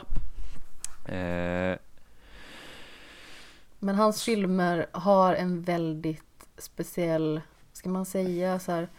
Det finns en underliggande västernton på något sätt där det ballar ur. Ja. Det blir liksom lite vilda västern av alltihop. Ja, och då kan Men- man också sätta att eh, superhjältefilmerna just nu är vår tids västern. Ungefär. Men det Eh. som är med Tarantino också, det är ju också en sån grej som många påpekar med hans våld. Men hans typ av våld i film, det är ju liksom att han tar bort udden av liksom hemskheten i våld. Han gör det till någonting lekfullt eh, och skriver om historier i stort sett. Mm. Alltså ta bara liksom Hitler i eh, Inglourious Basterds till exempel. Eller för all del nu i spoiler för eh, Once upon a time in Hollywood. Mm. Eh, för, för all del det som egentligen ska vara Sharon Tate-mordet. Där han går till fel hus när det liksom blir lite så här Life of Brian-grejen. Mm. Att han går till Rick Dalton istället. Mm, ja, precis. Men som sagt, han gör allting på så absurt sätt. Så det går nästan inte att göra något annat än att skratta åt det. Och jag tycker att det finns någon form av storhet i det. Mm. På något Mm. vis. Att våld behöver liksom inte alltid framtonas som, som något så här extremt jättehemskt som i krig till exempel. Alltså naturligtvis, våld är alltid hemskt. Eh, men det är ju ingen hemlighet att folk tycker att våld är underhållande. Det har man ju liksom gjort ända sedan man liksom gick runt med spikklubba liksom och rulla stenar. Mm. Så är det ju bara. Mm, precis. Och jag menar då kan man ju lika gärna göra våld på ett sätt som inte är vidare realistiskt. Mm. Vilket Tarantino också gör. Det är Ja, en skön kontrast till alla andra liksom jättemörka filmer. Mm. Tycker jag i alla fall. Jo, men jag håller med. Jag håller med. Men jag hade gärna sett att eh, när den här bra dramaskådespelare blir större så att de faktiskt får fortsätta göra sådana filmer. Ja, Eh, för att det är liksom så att, om en som, om en som Martin Freeman har ju liksom, han är jättebra på det han gör. Men liksom så har han också fått göra, typ så här, han har varit med i Marvel-filmerna och han fick göra Hobbit, vilket han också var jättebra castad för, men det hade varit kul att få se. Om man säger Benedict Cumberbatch som får göra den typen av film han vill göra, eller liksom mer, mer drama, jag hade gärna sett mer drama. Och sen Ja, att, eh, typ att Jennifer absolut. Lawrence får göra de filmerna som jag tycker att hon är jättebra i. mm. men jag håller med. Jag har faktiskt jättesvårt för just Jennifer Lawrence nu för tiden. För jag tycker att hon spelar över väldigt ofta. Ja, Men det är förmodligen för att hon inte får göra bra Nej men alltså, har, har du sett Mother till exempel? Nej. Nej, gör inte det. Okej, jag tror Den jag var har, verkligen inte bra.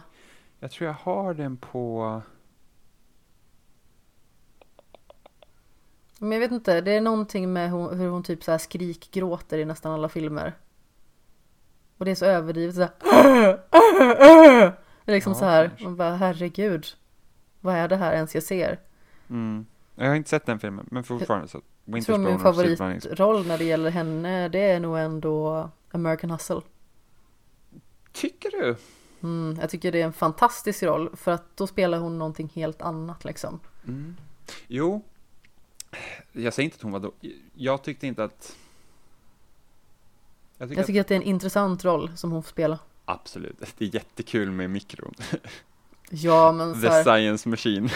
jag älskar ju eh, Christian Bale också när han liksom säger att hon är mästaren av passiv aggressiv karate. Mm. Ja, men det är sant. Jag tycker att American Hustle är en okej film. Jag tycker inte att det är en fantastisk film, Mhm. faktiskt. Jag tycker att det är en jättebra film, jag älskar American Hustle. Du gör det? Ja. ja Det men alltså, den, är inte, den är inte dålig. Det säger jag absolut inte. Jag tycker att den är underbar, alltså den är väldigt roligt skriven. Det är väldigt många bra skådespelare som gör väldigt många bra roller. Och Det känns som att alla skådespelares stjärnor har stått i linje på något sätt när han spelar in den här. Alltså vi har ju Christian Bale till exempel, vi har Amy Adams, vi har Bradley Cooper, Jennifer Lawrence, eh, Jeremy Renner. Alltså det är så här, alla Je- passar in i sin roll så himla bra. Jeremy Renner är dock lite tråkig tycker jag. Jag tycker inte att han är en jättefantastisk skådespelare i vanliga fall, men jag tycker att han gör den rollen fantastiskt bra. Första gången jag såg Jeremy. Renner så var han med i ett avsnitt av House. Jaha, Och han eh, spelade en musiker som hade fått någonting fel på hörseln tror jag. jaha. Eh, för att han gjorde jättekonstig musik, alltså verkligen så här musik som inte låter bra. Alltså det var typ så här, hmm, vi typ mixar, eh, alltså inte mixar som i musikaliskt mixning nu, utan vi sätter, lite, vi sätter lite taggtråd i en blender. typ. Och sen så, ja, Oh. The Genius House eh, såklart. Eh, liksom, som också är musikalisk faktiskt i den serien. Eh, sätter sig och lyssnar lite på musik som han gjorde innan liksom. Och då var det jättebra musik, så han bara, vad fan hände liksom? Eh, och då upptäcker han det såklart. Ja. Precis som i alla House-avsnitt så är det så typ att House går runt och skäller på sitt team som får slava. Det här är precis försöker- alla fördomar jag har om House. Ja, Det jag har sett, på, liksom. Han går runt och är sur ett tag, sedan får han Ja. en snilleblixt. Ja, och sen han så händer sak. någonting och så får han den här blicken och bara så här, och så kommer han på det. Det är alltid, varenda typ av house. Jag tycker house Man väntar ju liksom bara på att någon gång när han får den här blicken så ska det bara, är det var bara en fis på tvären. alltså jag tycker house är en väldigt bra serie, faktiskt. Och Jag är inte finns- övertygad av det jag har sett alltså.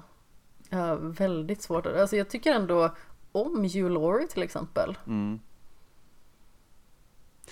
Alltså, det finns väldigt många bra avsnitt. De avsnitt som fokuserar på House som person är eh, de bättre, liksom när det lite går från det här att, ja, case of the week, liksom. Ja men det är väl ofta så, men det är ju bara för att ofta så får man utsättas för honom i liksom en öppen miljö. Och då blir han jäkligt jobbig. Jo, Och sedan så när man går in på personen bakom det här så finns det väl kanske ett lite större djup att bena Jo. i. Och sen så går han ju väldigt mycket in också i den här The Male Genius, liksom den, hela den tropen. Eh, som blev väldigt poppis där ett tag också efter Ja. House.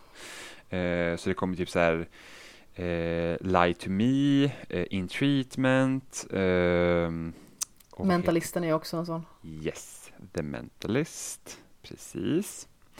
Som, som liksom, Alltså Sherlock Vass. Holmes är ju en väldigt tidig adaption av liksom det manliga geniet. mm, Men som också har gjorts i så himla många olika typer av varianter. ja, men där, Vilken jag tycker Sherlock är den absolut bästa. jo, Sherlock går också in i med eh, och samtidigt då, vad heter den amerikanska upplagan? Produktionsvärdet är så högt. Ja, du tänker på Mm, Elementary. Yes. Vägrar att se den. Jag har inte sett den. Vilken hädelse tänker jag bara. När jag jag liksom, kan säkert tänka mig att den kan vara rätt så kul. Kanske. Men jag, eh, jag vet inte. Jag har ju lite svårt för det här med amerikanisering av saker. Jo, men det är en helt annan, det blir en helt annan framtoning liksom. Eh, Ja. Det är inte Sherlock liksom. Eh, såg du Sherlock Holmes-filmerna med Mm. Robert Downey Jr. och Jude Law. ja, tyckte du om dem? De var okej. Ah, jag tycker de är superdåliga. Men alltså det var så här. Det var okej underhållning. Men det är liksom så här. Det är mest för att jag gillar Jude Law. Och sen Robert Downey Jr är ganska okej också. Men jag tycker att han blir lite för ettrig. Jo, men Robert Downey Jr. gör ju, alltså han gör Tony Stark. Ja, i och för sig. han gör ju typ det i alla hans roller efter det. Det är så här, Jag tycker ju att han är jätterolig i Tropic Thunder. den har inte jag sett. Eh, där är också en skådespelare som jag eh, har väldigt svårt för, Tom Cruise. Som gör en av de roligaste rollerna jag har sett honom göra. Så här, Tom Cruise, Matt Damon, de är rätt så tråkiga egentligen. Ja, Även alltså om de är de har... fruktansvärt tråkiga. Och sen så har vi ju typ Matt Damon och Mark Wahlberg som ser typ likadana ut. Och spelar typ likadana roller. De spelar alltid liksom sådana här beigea mellanmjölkspersonerna. Fast de gör ändå inte alltid det. Alltså, Matt, Mm. alltså nu ska vi se. Uh, den här, vad heter den, Ripley-filmen med Matt Damon. Ripley-filmen? Åh nej, inte vad heter den Ripley? Eller typ den, den talangfulla Mr Ripley, något sånt där. Uh, undrar om den heter så. Kan jag det vara? Jag kan säga fel, det låter där, jättebekant. Ja, men- men, säg att den heter det. ja, men där är Matt Damon, där gör han inte den filmen. Jag tycker typ The, Departed är han... Visst heter den The Departed? Visst är det den han är? Det är han väl. och Matt Damon. Båda Ja. två är väl med i den? Ja, men deklarerat. precis. Men det var bara så att, var det den filmen? Jag tror jag alltid, ehm, jag tror jag alltid förväxlar den med typ Black Diamond som också har Visst Black heter Diamond? Black Diamond? Heter den så? Men Tänker du Leonardo på Blood Diamond? Blood Diamond, tack. Ja, precis. Jag brukar alltid förväxla dem. Jag blir så här, heter den ner nu? Ja, men det är allt, på den, Nej, det är eh, Blood Diamond. Men jag blir alltid, när- jag, jag ja. förväxlar alltid. Man, för det, det är sådana filmer som jag börjar se på, somnat och sett om. Här. Men uh, The Departed har jag sett hela och Blood Diamond har jag inte sett hela. för att jag somnade. Nähä, okej. Den vill jag minnas var väldigt bra. Ja, det tror jag också. Men det är så att ibland är det så här när jag somnar mycket till film att jag har sett om vissa delar så mycket så att jag skiter i att se klart dem sen. eh, men typ, jag tycker Tom Cruise också är ganska tråkig. Jag tycker Ja. dock han är jättebra i Mission Impossible-filmerna. Eh, Jag är fullkomligt ointresserad av Mission Impossible-filmerna. Vilket jag också har varit. Faktiskt. Jag var inte alls intresserad av Mission Impossible-filmerna. Jag är så här, jag såg Du har ett blivit så här actionifierad nu. Ja, men så här, jag, du hör jag är ju helt annan person nu. Eh, jag såg liksom, du vet så här, Expressen hade ju så ett tag där de släppte så här typ DVD-filmer hela tiden med sina tidningar. Ja, just det, när man fick Och- ett sånt litet pappersfodral. Ja, Eller min- en större, eh, liksom så här, eh, plast ett större plastfodral fast den var tunnare så den var liksom smalare i ryggen. ja, fast ibland var det också vanliga, som vanliga DVDer. Var det Mm, Oj, ja, vilken- ibland var det så. Öh. Det, det beror på lite så här, typ Ursäkta alla mig. morden, alla morden i Midsommarfilmerna var men- liksom i vanliga. Alltså, min mamma älskar morden i Midsommar och hon skaffade typ alla med Expressen. Aj, aj, aj, aj. Eh, alla James Bond-filmer upp till Casino Royale hade de med ett tag som jag också hade. Jag tycker inte om James Bond. Jag hade Inte jag alla heller. James Bond-filmer. Fast för ärligt talat, Casino Royale är bra. Eh, Jag har sett Spectre. Den var Alltså- inte alls bra. Alltså ärligt talat så tycker jag nog att de James Bond-filmer som har kommit med vad heter han? Daniel Craig. Tack. Är okej. Liksom att den tonen av James Bond är nog det jag skulle vilja ha ut av det. Alla James Bond-filmer med Daniel Craig är inte jättebra. De är betydligt bättre än något annat jag har sett. För att de försöker, alltså, det var ungefär den tidpunkten eh, så att de försöker liksom vara lite det som Christopher Nolan gjorde med Batman, ungefär. Liksom det är lite den typen av James Bond som man försöker ha och alla är inte jättebra. Jag tycker Casino Royale är bra. Jag tycker att... Åh gud, vad heter det? Jag vet inte. Film... Skyfall? Ja, jag tror att det... Har du sett Skyfall? Nej. Bryr du dig om att jag spoilar den? Nej, verkligen inte. Vad Jag är det tror- någon där heter? Quantum of Solace? Ja, som inte är jättebra, nej. Eh, och jag har nog inte sett... Vilken var den senaste? Spectre? Var det Spectre? Ja, har den jag har jag nog inte sett. Eh, men Casino Royale tycker jag är bra. Eh, Skyfall var också bra, för jag tror att det är den filmen Judi Dench dör. Och det var väldigt hemskt. Eh, Man gillar ju henne. Ja, hon är jättebra. Eh, jätte, jättebra verkligen. Jätte, jätte, jättebra är hon. Okej. Men, ja, men hon är verkligen bra. Alltså, Ja, jag gam- tycker hon är fantastisk. Hon är jag tycker ja, var så himla Ja, roligt. Jag vet, men verkligen, jag tänkte på att det är typ hon som gör dem. Men jag tyckte inte heller om Mission Impossible. Eh, och jag har sett 1, 2, 3 när de då kom med eh, med eh, Expressen. Mm. Men när jag var hemma hos Oliver förra sommaren så skulle vi gå och se Fallout tillsammans. Och jag har inte sett Mission Impossible 4, 5, 6. Vet... Är Fallout sjunde filmen? Det är fel person att fråga, hörru du du. Okej, så här. Fallout är antingen den sjunde filmen eller den sjätte filmen. så jag vet inte riktigt. Det är Men en film. Så jag såg, så då måste, jag hade inte sett alla Mission Impossible-filmerna och eh, Oliver ville inte se 1, 2, 3. Som jag hade sett då tidigare, det vet jag om att jag hade sett. Eh, och jag tycker inte speciellt, men han sa Fallout är skitbra, du måste se dem, så okej, okay, men jag har inte sett 4, 5, 6 eller 4, 5. jag vet inte. Så vi såg de filmerna som var upp då till Fallout. Eh, och de var fan inte så pjåkiga alltså. Det var det, de var inte så dåliga och jag tycker faktiskt att Tom Cruise gör den rollen väldigt bra och sättet de har skrivit dem på gör det att det är svårt att inte tycka om honom. Mm. Men jag har inte sett Tom Cruise mycket annat för att jag tycker att Tom Cruise är tråkig. så, ungefär. Något sånt. Nå något sånt, precis. Eh, gud vad vi har pratat om massa grejer nu känner jag. Ja, det har vi. Eh, vilket är väldigt roligt för att fick vi prata om massa saker som jag vanligtvis inte pratar om. Jag hade tänkt att brygga över till det här eh, apropå min sån här eh, skepsis gentemot amerikanisering av saker. Mm. Så har jag börjat kolla på amerikanska The Office. Det var faktiskt en ganska rolig överbryggning med tanke på att vi inte pratar om någonting nu som vi hade planerat att prata om. Precis. eh, och nu vet jag att när man gör sådana här överbryggningar och man nämner att man gör sådana överbryggningar så brukar det inte bli speciellt kul. Men det var ändå väldigt kul eftersom det inte var planerat. Eh, ja, du har sett amerikanska The Office. Ja. Alltså jag tycker som... fortfarande att brittiska är bättre, vill jag bara börja med att säga. Så mm. Eh, alla The Office US-vurmare där ute, bli inte för glada i byxan. Jag har sett ett avsnitt av amerikanska The Office. Mm. Jag skulle redan förutsätta att eh, den brittiska är bättre. Ja, alltså grejen är att första säsongen är väl egentligen en ren remake. Är det så man säger? Ja. Det finns så himla många så här reboot, reimagining. Ja, men det skulle jag säga är en remake. Ja, jag skulle också säga eh, om jag killgissar lite. Men eh, sen så blir det lite mer sin egen serie och det får lite mer sin egen ton. På något vis.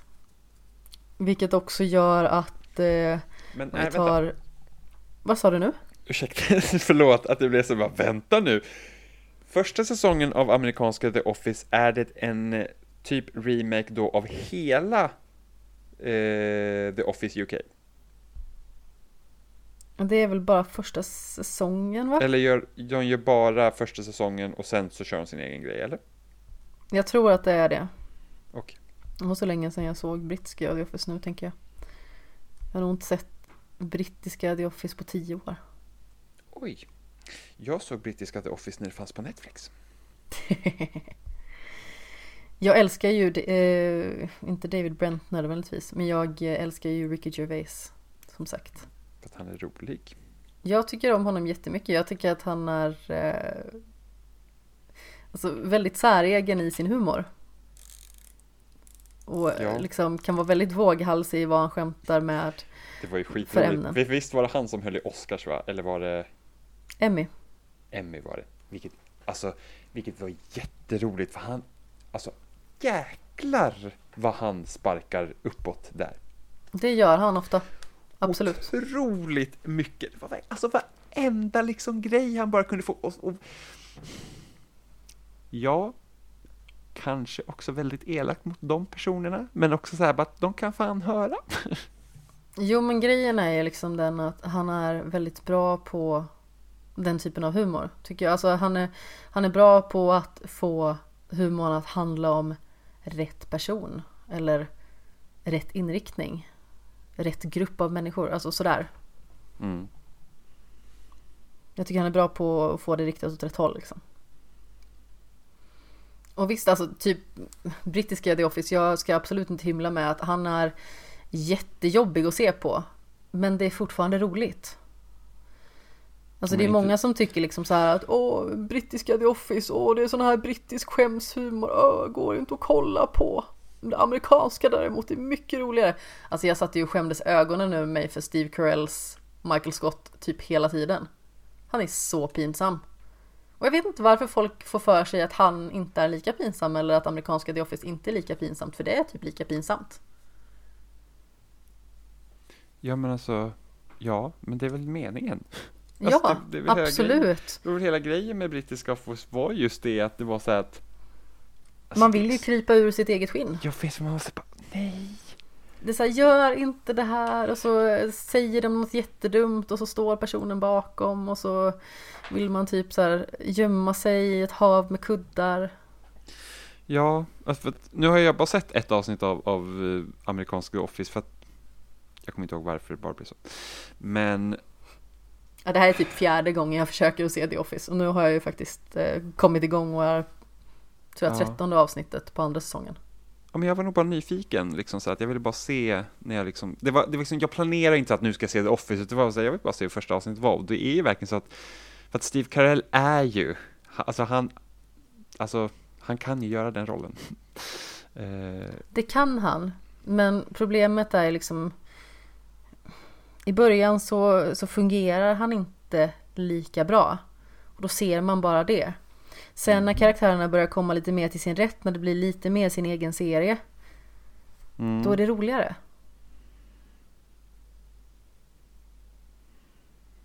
Då köper man karaktärerna mer, alltså, och de blir också liksom mer alltså, sympatiska på något vis.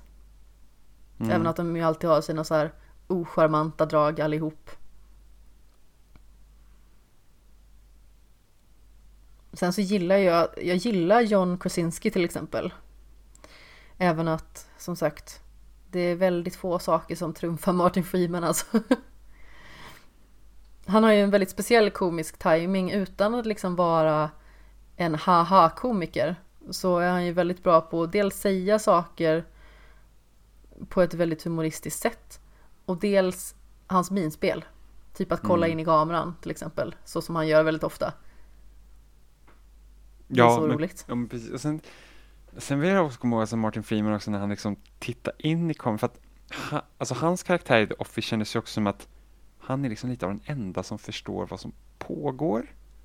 Liksom Ja. så här, det är bara så här att alla är så jäkla dumma, du vet. Det är liksom bara så, Ja vad men precis, de vad sysslar med? alla med? Ja, och så, så liksom zoomar de in på dem och han liksom bara tittar så, här och så bara, alltså, hallå, typ.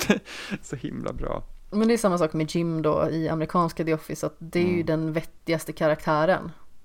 Okej. Eller tillsammans med då receptionisten. Som i det här fallet heter Pam. Spelad Mm. av eh, Jenna Fisher. Istället för Dan då. Mm. Åh gud, som när David Brent säger någonting så bara, we all... eh, sh-" och han säger någonting så här typ eh, the crack of dawn eller någonting sånt. alltså det är så, alltså man bara så här, alltså man, för att, man, alltså man skäms ju så mycket. Alltså det är verkligen så här att man här bara, åh, så där kan man inte säga. Nej, men det är ju jättemycket sådana här grejer. Man får inte säga det här. Men Ja, han gör det ändå. ja, Sen så, så tycker man ju att eh, Dwight då som eh, eh, han den här obehaglige snubben heter i amerikanska The Office. Motsvarigheten till eh, han med pottfrilla som jag aldrig kommer ihåg vad han heter. Nej, men det här är också han som är med i eh, Pirates. Det är mycket möjligt. Mm, han med ena ögat. Jag måste kolla vad han heter nu för nu blir jag ju eh, tokig. Ursäkta alla ni fyra som lyssnar. Eh, för nu eh, ninja-googlar jag eh, väldigt ljudligt i bakgrunden. Eh, Ninja Mackenzie googlar. Crook. Han spelar Gareth. Jag har aldrig vetat om att han heter det.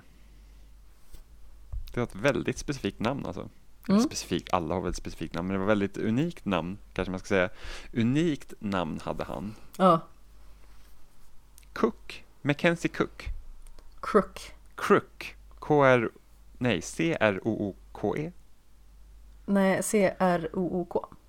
Ja, okej, ja, ja, det går ju också. Som sagt, spelar eh, Gareth. Som eh, är så jäkla obehaglig jämt. Ja, men där hjälper också till att de, alltså mycket hur de ser ut, för det tänker jag också på um, om man tar Martin Freeman och eh, eh, Martin Freeman ser ju så jäkla harmlös ut. Och Ja, även men han- eh, John och han är- Krasinski.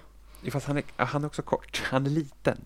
Ja men de, är, de har väldigt pojkaktiga utseenden båda två. Precis, jo, jo, det stämmer, men samtidigt så att han är väldigt liten medan han i, oh, jag, vet inte vad han heter.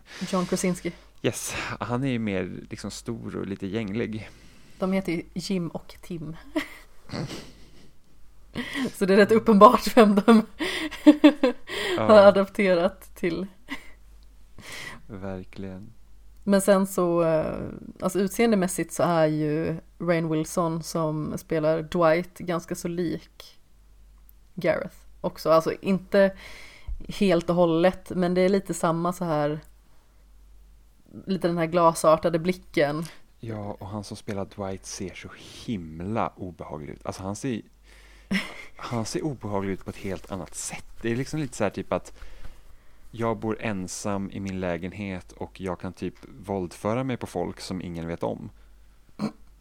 Nej, Men är inte, det är typ så här att om, om någon har lik i källaren så är det absolut han som spelar Dwight. Ja, absolut, men han har så himla så här hemliga saker för sig. Mm. Ja, typ men, tränar kampsport och är någon form av, eh, jag vet inte, instruktör i paintball och grejer. Alltså så här, oj, vad, vad, eh, vad, vad otippat. jag tror i, i senaste avsnittet så spionerar han på en av kollegorna. Jag säger, Nej. se, Ja, ja Absolut. precis. ja, Precis. Han sitter utanför den här kollegan, Oscar heter han. Eh, bara för att han har sjukanmält sig när det var städdag. Så han sitter utanför hans hus och spionerar. Och eh, så säger han Okej, i alla fall då, så här, då, okej. Inte för att det är okej att spionera på folk så, men då fanns det i alla fall någon anledning förutom att jag är ett creep. Ja men precis, Mm. och då säger han så här bara så här. Ja men med en tidigare flickvän jag hade så spionerade jag på henne för att jag misstänkte att hon var otrogen. Och det var hon också. Med flera olika män. Men det bekräftade i alla fall mina aningar.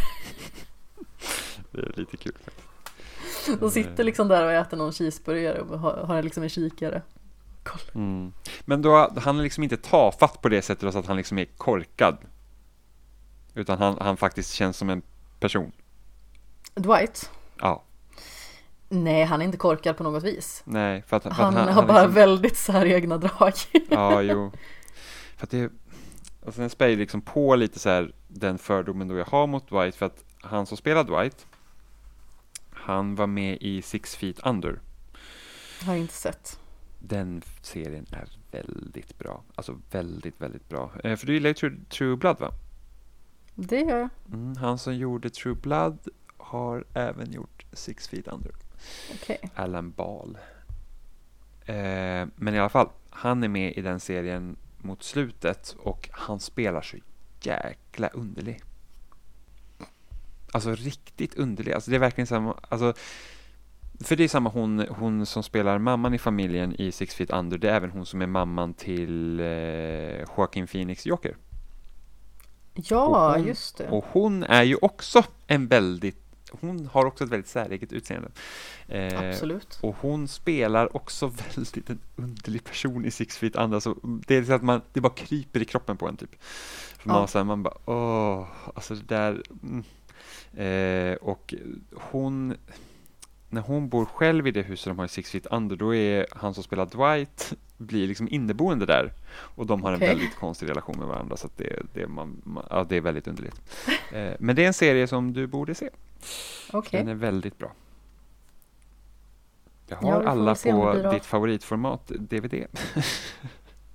Nu tycker jag att du är lite hånfull mot det faktum att jag har DVD, Jimmy Men-. Ja, alltså det är inget fel att ha DVD. Att du fortfarande köper DVD-skivor tycker jag är Men väldigt det roligt. gör jag ju typ nästan inte. Men du har fortfarande, du har, du har eh, senaste Blade Runner-filmen på DVD och den filmen är inte gammal. Den är två år gammal. Inte gammal.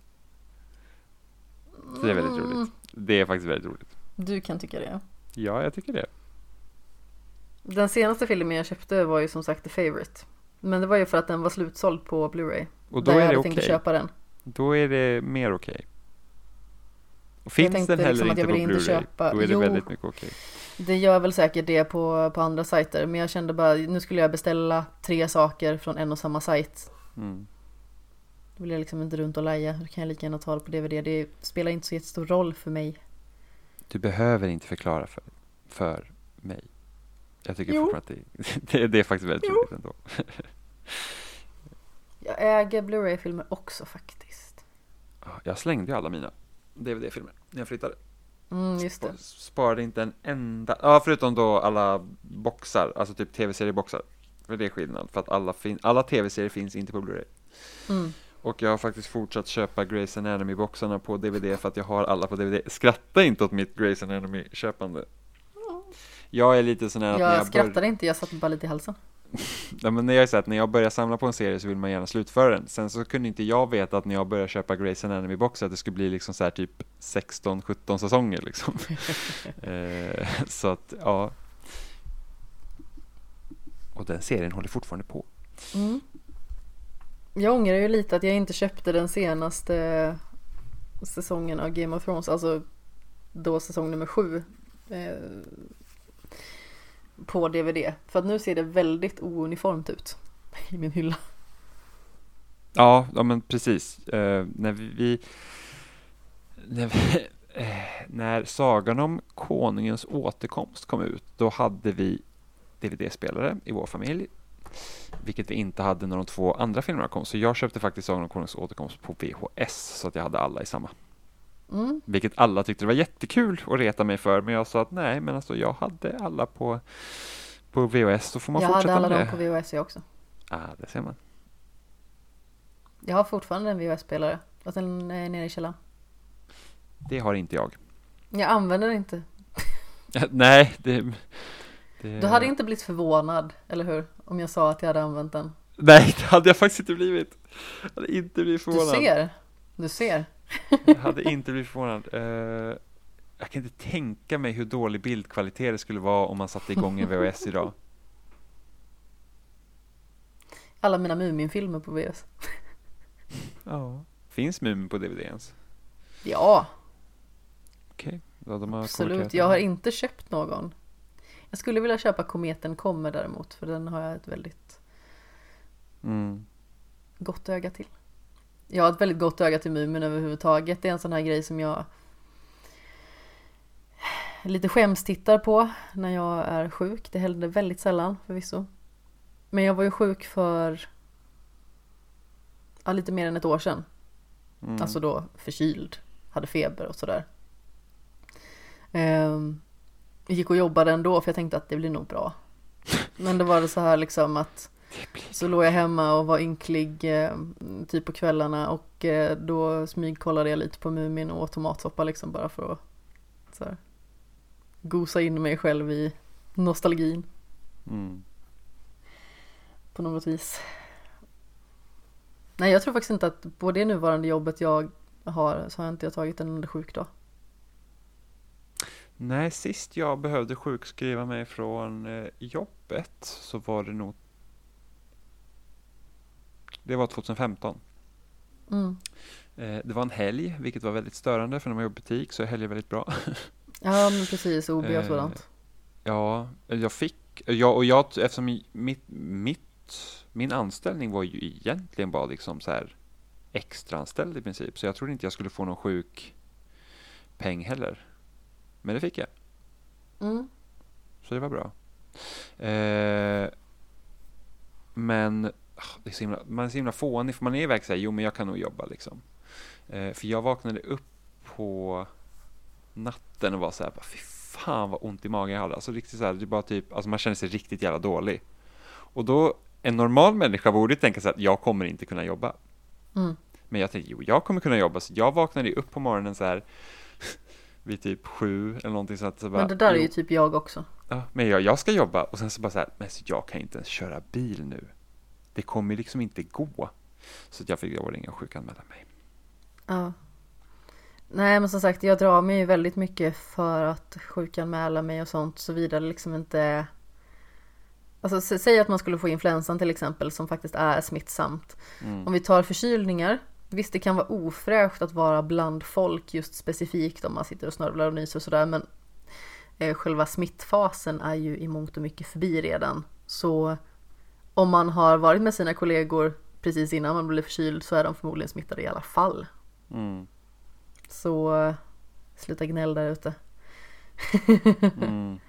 Jag vet att det är väldigt många som är sådär, ja men kom inte till eh, jobbet om du sitter på kontoret ändå. Så här, ja men ni är förmodligen redan smittade av mig. Mm. Jo, Plus att jag har ju suttit på kontor själv, alltså instängd på mitt eget kontor ganska så eh, frekvent. Sedan Mm. jag eh, började på det jobbet jag har nu och sedan så i perioder har jag haft rumskamrater. Mm. Ja, jag, jobbiga för mig nu när jag har diabetes och blir eh, förkyld eller sjuk eller någonting sånt. Då, Då blir du allt, däckad. allt blir jävligt mycket jobbigare för mig. Ja, Eh, eftersom då måste man hålla koll så mycket hårdare för att när man är sjuk så går blodsockret bara åh gud vad kul. rädda sig den som kan. Låt oss bli höga.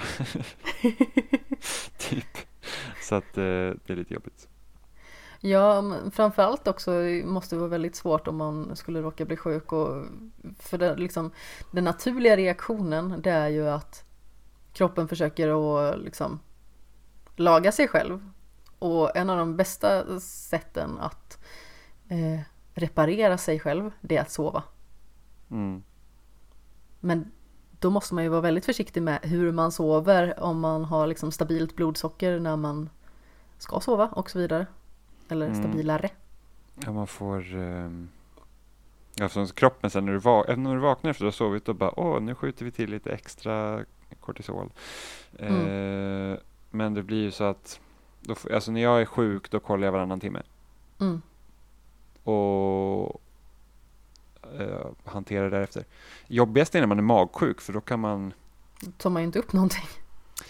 Nej, men det är så att mm, kroppen är fortfarande stress och den skjuter ju ändå till. Alltså även fast man inte Ja. äter så måste man ju ta insulin. Men det liksom blir så att det kan också gå tvärtom. Du kan också bli lägre för att kroppen hanterar något annat och du har ju ändå alltid insulin i kroppen för att du har ju långtidsinsulinet som håller på och tickar. Så att, då Mm. får, så att det brukar vara så att jag har vid min säng har jag en eh, flaska med vanlig cola eh, och jag har min blodsockermätare och jag har mitt insulin. Som är där precis så att okej, kolla, så bara okej, låg, ta, ta typ alltså en klunk cola, inte mer. Och så Mm. får man kolla igen efter ett tag så bara oj, nu är det högt, då får man köra in mer insulin. Så att det är lite speciellt. Ja, krabbigt. Hel vetenskap. Ja, absolut. Det är så. Det är mycket med kroppen som är en hel vetenskap. Ja. Alltså då menar jag bara så här specifikt på detaljnivå. Kroppen är ju Jo, superkomplex. ja, eftersom vi, vi liksom inte förstår den helt och hållet än heller. Mm. Om vi någonsin kommer göra det. Det finns ju många aspekter med kroppen och hjärnan som jag tycker är superintressant att läsa och vill läsa mer om. Som jag dels har liksom fått smakprov på när jag faktiskt läste till personlig tränare. Alltså så som neurologi till exempel är fruktansvärt intressant. Mm. Och sen så har vi liksom så här psykologi, den typen av ämnen som jag också tycker är väldigt spännande. Mm. Kanske ska bli läkare då? Haha! Ja, den fick jag faktiskt höra av min eh, chef igår. Så där bara, ja, du skulle ju kunna bli läkare. Jag Bara, ja, om man vill ha en läkare som svimmar. Så. Ja, du vet, ja, okej.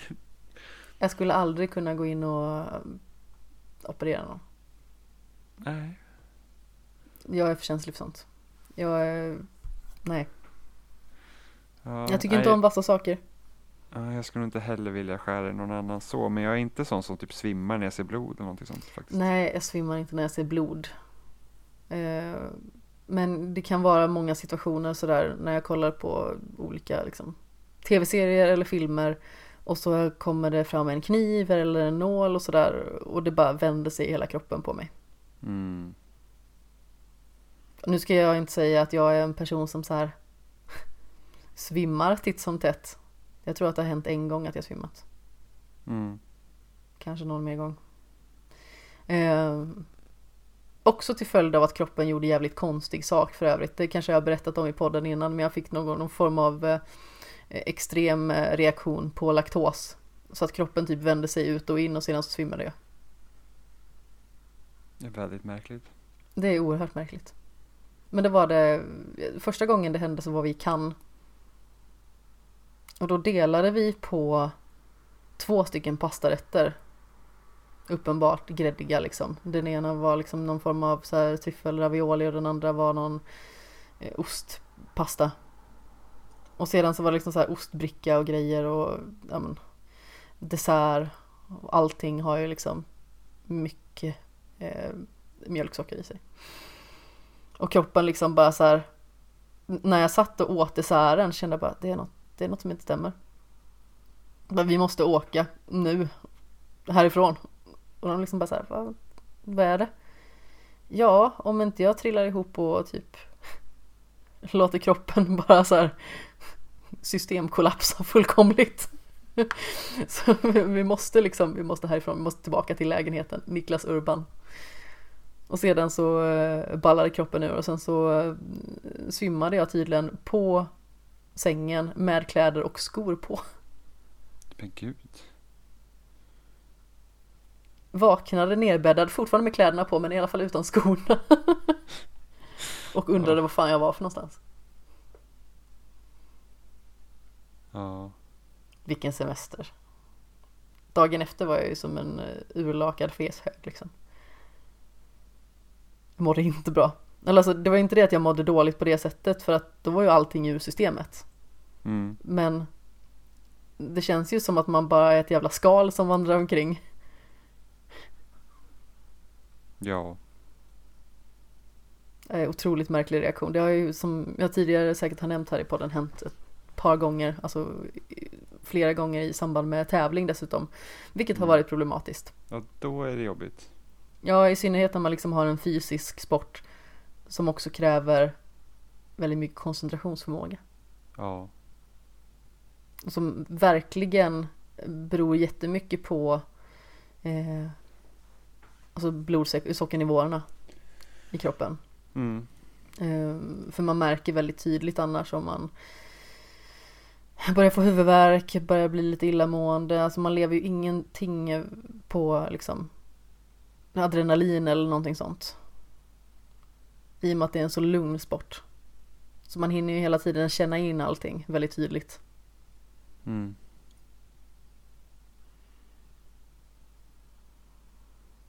Vad var vi på väg egentligen? Jag vet inte vad vi... Kroppen inte. är intressant i alla fall. Den gör också väldigt mycket konstiga saker.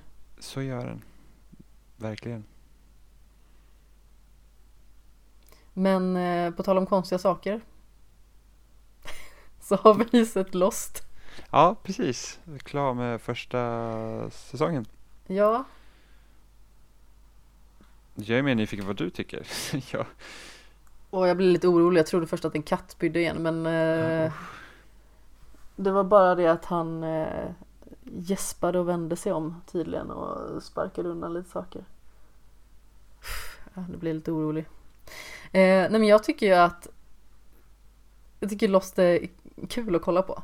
Mm. Framförallt, alltså Det är väldigt tydligt att det är tidigt 00-tal Det är inte tekniskt framstående på något vis och Som sagt, det kan vara ganska mycket kackiga scener med specialeffekter och sådär Till Mm. exempel väldigt, väldigt dålig specialeffektsrök Flygplan som ser ut som Ja, att de... alltså CGI är verkligen, det, det, det är liksom, det är tv-budget 2000. Det ser så roligt ut för att det ser ut som med det här flygplanet till exempel att någon har kastat ett pappersflygplan och så har man liksom så bara animerat ett flygplan över det. Mm. Ja, men precis som ett litet pappersplan.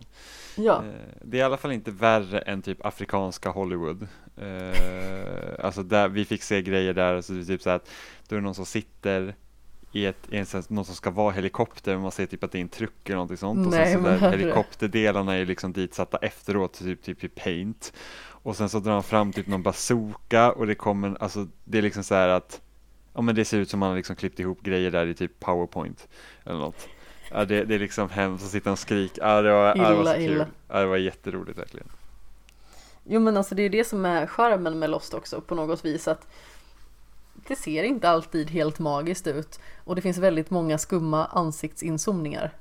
Ja, det var väldigt så här typ eh, fokuserar väldigt mycket så på minspel och liksom kanske stanna lite för länge med kameran på Ja.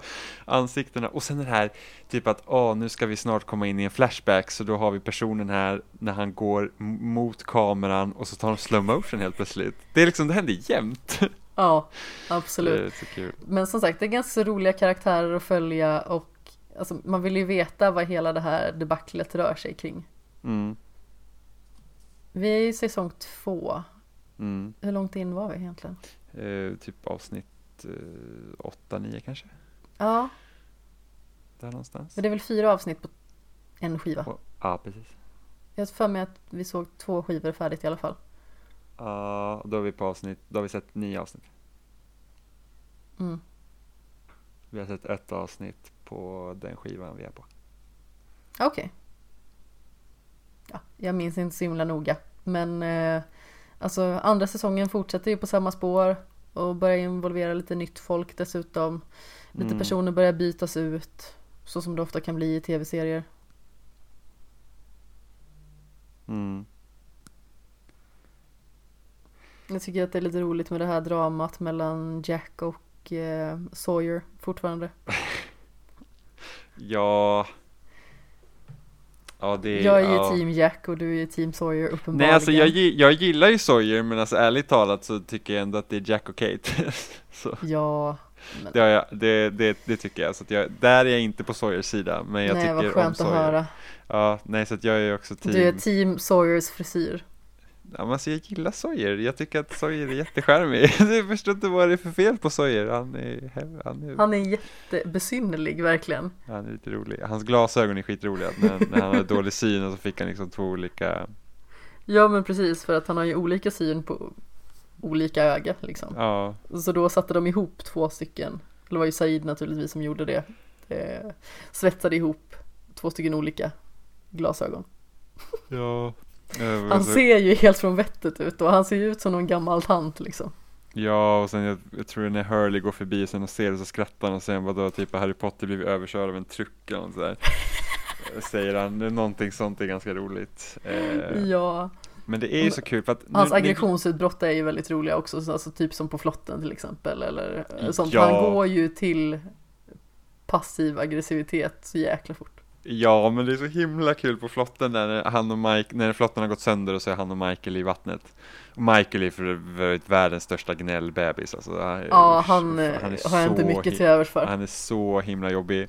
Och en en sak som var ganska kul var för att Boone dör ju i slutet av första säsongen. Ja, precis. Eh, och, eh, och Boone är ju faktiskt en karaktär som är helt värdelös. Alltså vad, vad en Boone gör så blir det fel. Det, det är det som är så kul och det är något som man inte tänker på. Men för att det var en person som gjorde någon så recension av varje avsnitt när hen kollade om på Lost. Eh, det var någon blogg Mm. som var så ganska kul. Så den läste jag liksom när, när den var på G då, eh, för några år sedan nu. Och då var det verkligen så här att jag är helt förundrad över hur dålig Boone är, för Boone gör hela tiden fel. Och när man vet om det och ser om på serien så är det så här, Boone är verkligen helt jävla sämst. Det är så här, åh, han, han har gått någon så här livräddarutbildning och ska rädda en kvinna ute i vattnet. Ja, men det Men kan typ självklart. inte simma. Nej, men självklart håller Boone också på att drunkna så gör att den andra kvinnan dör för att Jack måste rädda Boone först. Ja, Eh, För att Boone han är klättrar närmst. Ja, så att Boone är liksom så här, ah gud, ja men i alla fall. Men det är jättekul när Michael och, eh, och Sawyer är där i vattnet med flotten för att de är liksom på två skilda delar och de bråkar såklart för att Michael var såhär bara att, ah, men typ du, du såg till att jag sköt den här nödraketen så att de såg oss och så tog de Walt som är Michaels son.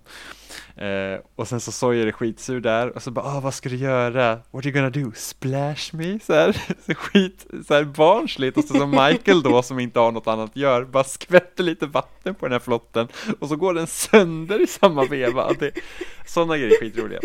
Det är Eh. faktiskt jätteroligt. Det är fantastiskt roligt.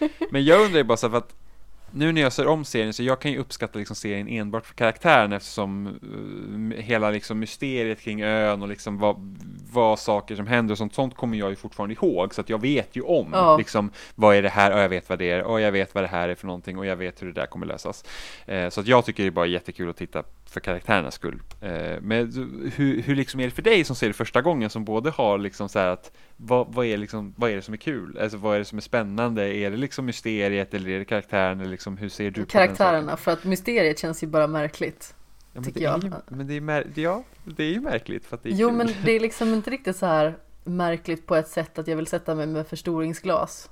Nej, Utan det är liksom märkligt på ett typiskt så här, ja men, såpavis. så det är ju det är lite som så här att det är där, alltså det, det är liksom lite i bakgrunden för dig de andra ord. Ja, men jag tycker ju karaktärerna blir roliga. Alltså även att de Mm. också är väldigt såpiga. Mm. Många av dem. Alltså om vi tar bara... Eh, åh, vad är det hon heter? Hon som, eh, spoiler, dör i andra Ja, säsongen. kärnen. Shannon, ja precis. Hon är väldigt mycket så här, kolla på karaktärer och se liksom sammanbiten ut. Mm. Alla, ja men typ Våra bästa år eller Sunset Beach.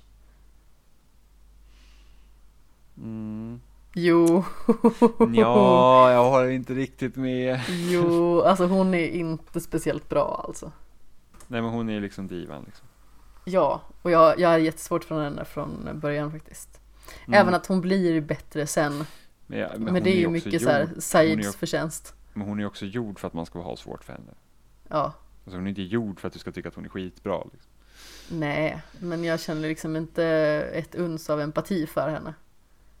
För en Mm. typ när hon dör. Nej, Jag är en hemsk människa. Det är det så. var, men det är faktiskt ganska hemskt när hon dör också. Ja, men det är ju hemskt mer för Saids skull. Jo, fast För att honom gillar man ju jättemycket. Ja, men det är så kul också när, för det är också en grej som ser så roligt ut där, liksom deras ansiktsuttryck och sånt. För jag kommer ihåg, jag hade en annan kompis som jag också såg Lost med för flera år sedan. Så då, för att när hon blir skjuten där, så att man liksom, Said letar efter henne i skogen, eller i djungeln, Ja, och så hör man den här skotten. Och då blir det liksom helt tyst. Och så står ju bara Said där i regnet och bara stirrar. Och sen helt plötsligt bara Kärnen! Kärnen! Och så springer han iväg och det är så roligt. Alltså det ser så kul ut. Men fast det är hemskt liksom. Så att ja. Ja, det är men är sånt som händer. Eh, Men liksom så här typ. För att jag tror ju också anledningen till att du också kan känna att liksom mysteriet står i bakgrunden. För att vi kan ju se allt på en gång.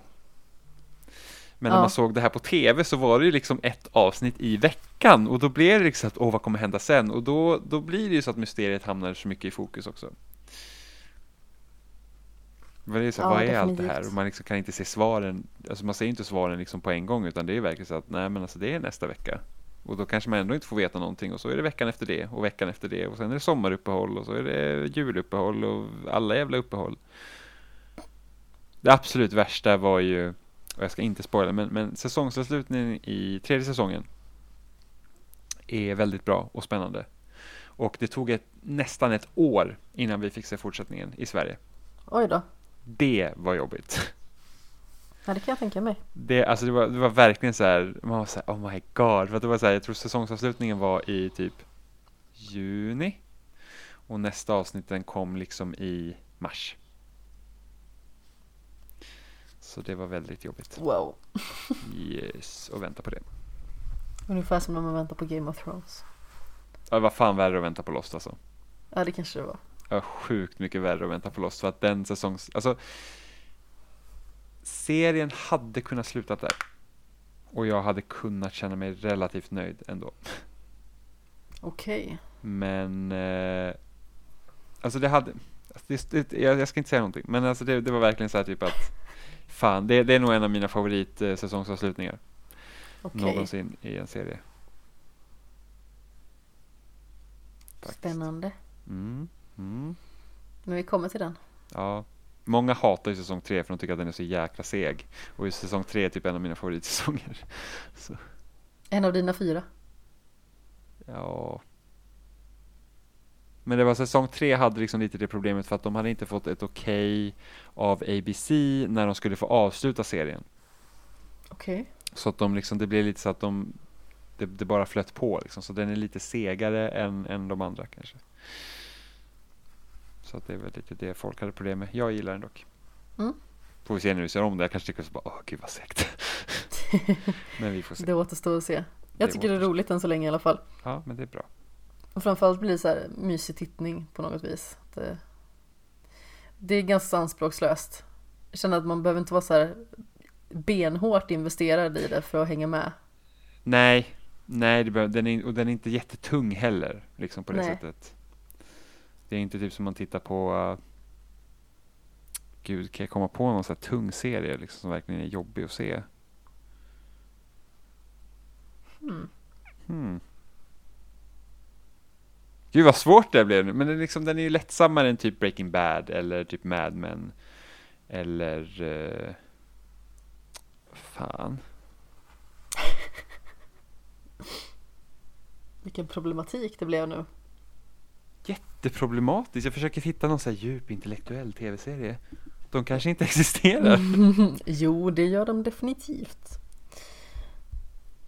Ja, men som är så här skitjobbig att se, som bara säger fy fan vilken misär. Måste, ja, men typ Chernobyl, den miniserien var ju rätt så jobbig att se. Oj, ja, den var ganska tung. Och typ så här um, Escape ett Dannemora med, den var också ganska jobbig. Men det är så här miniserier, de, de kan ju vara lite jobbiga för att du behöver inte Alltså det är jättejobbigt att se typ så här 15 avsnitt och man bara så här, fy fan vad tungt det är, ingen orkar ju sig klart. Mm. Uh, men ja, det, det finns jobbiga. Alltså, men Lost är ganska lätt på det sättet, alltså den är liksom inte det är inte, det är inte emotionellt tungt konstant. Nej. Det är inte. Men vad säger du? Har vi eh, spårat iväg och betat av det vi ska prata om hittills? Ja. Då tycker jag att vi går in på dagens eh, huvudämne eller vad man ska säga. För vi har ju sett första episoden av Watchmen. Just run and scare Each place we go so afraid that he might show. Yeah, run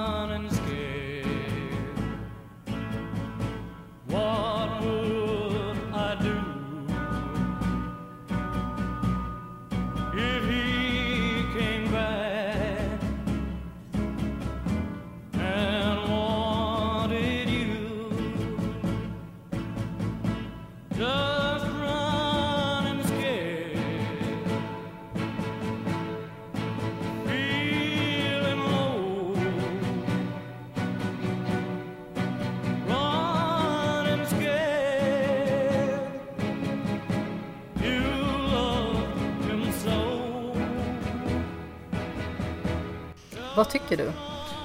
Eh, jag tycker att det är en väldigt lovande början. Jag är inte så här jätteinvesterad i Watchmen-universumet. Jag har ju sett filmen. Har jag. Mm. Eh, och jag såg om filmen också samtidigt som jag gjorde annat så jag var inte så här superkoncentrerad på den heller. Eh, men jag känner ändå att jag inte har liksom koll jättemycket ändå. Det är liksom så att vissa grejer och referenser i det här första avsnittet, så jag bara att okej, men jag känner igen det där namnet, jag har inte riktigt någon aning om vad det betyder. Ja. Eh, men den baserad, den utspelar sig 30 år efter serietidningen. Mm. Och serietidningen har jag inte läst. Den har jag läst. Och jag har sett filmen också. Vilket var ganska roligt. Jag har för mig att jag såg den för kanske så här sex år sedan eller någonting i den stilen för första gången. Och eh, då tänkte jag så här, det här var typ 11 på kvällen eller någonting. Mm. Och jag så här, borde kanske se någonting, jag är fortfarande ganska pigg. Och sen så hade jag köpt Watchmen på DVD. Eh, och kände bara så här att, ja men fasen den här har jag ju inte sett än. Jag slänger på den. Sen har det gått så här två timmar, jag bara så här, är den inte slut snart? Alltså det var inte det att jag tyckte den var dålig på något vis. Men det var bara det så här, fasen vad... Det känns inte som att de har börjat knyta ihop säcken än. Nej. Så kollar jag ju på baksidan så är den ju otroligt lång. Den är jättelång, den är typ... Är den 2,40? Jag har för mig att den är 240, 245 eller någonting Ja. sånt. Men ja. det gick inte så jättebra för mig helt enkelt. Så jag bara, ah, men det är väl bara att bita i det stora äpplet och se klart idag då. Mm. För det kändes ju som att det är någonting man ska konsumera i ett stycke. Mm. Men som sagt, jag har ju den här tjocka serietidningen också.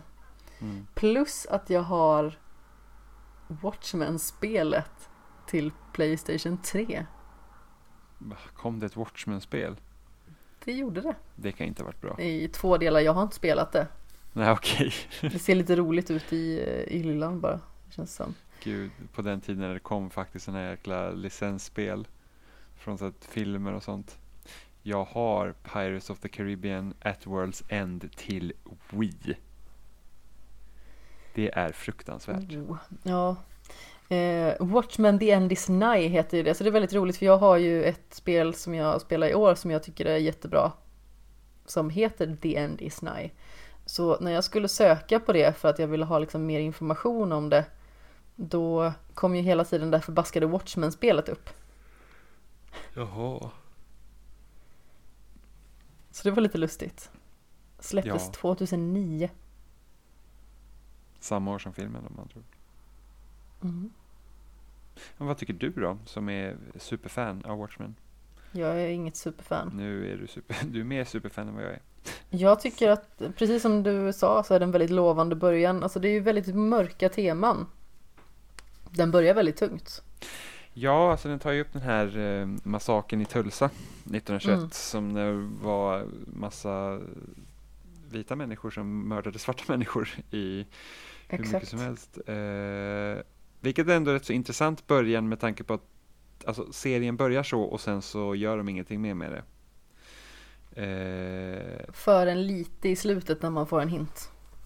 jo, men, men liksom ändå inte så att det var en väldigt liksom stark början liksom på det sättet och sen liksom bara släpper man det så länge. Eftersom Det var en extremt mörk början framförallt. Ja. Alltså just det här med både masskjutning, eh, bombattentat och, och sedan så är det liksom en jätteung pojke som bara är några år gammal som dessutom behöver gå iväg med en liten bebis. mm, För att bebisens föräldrar har dött när de eh, blev attackerade i den bilen de körde iväg i och pojkens egna föräldrar blev sprängda.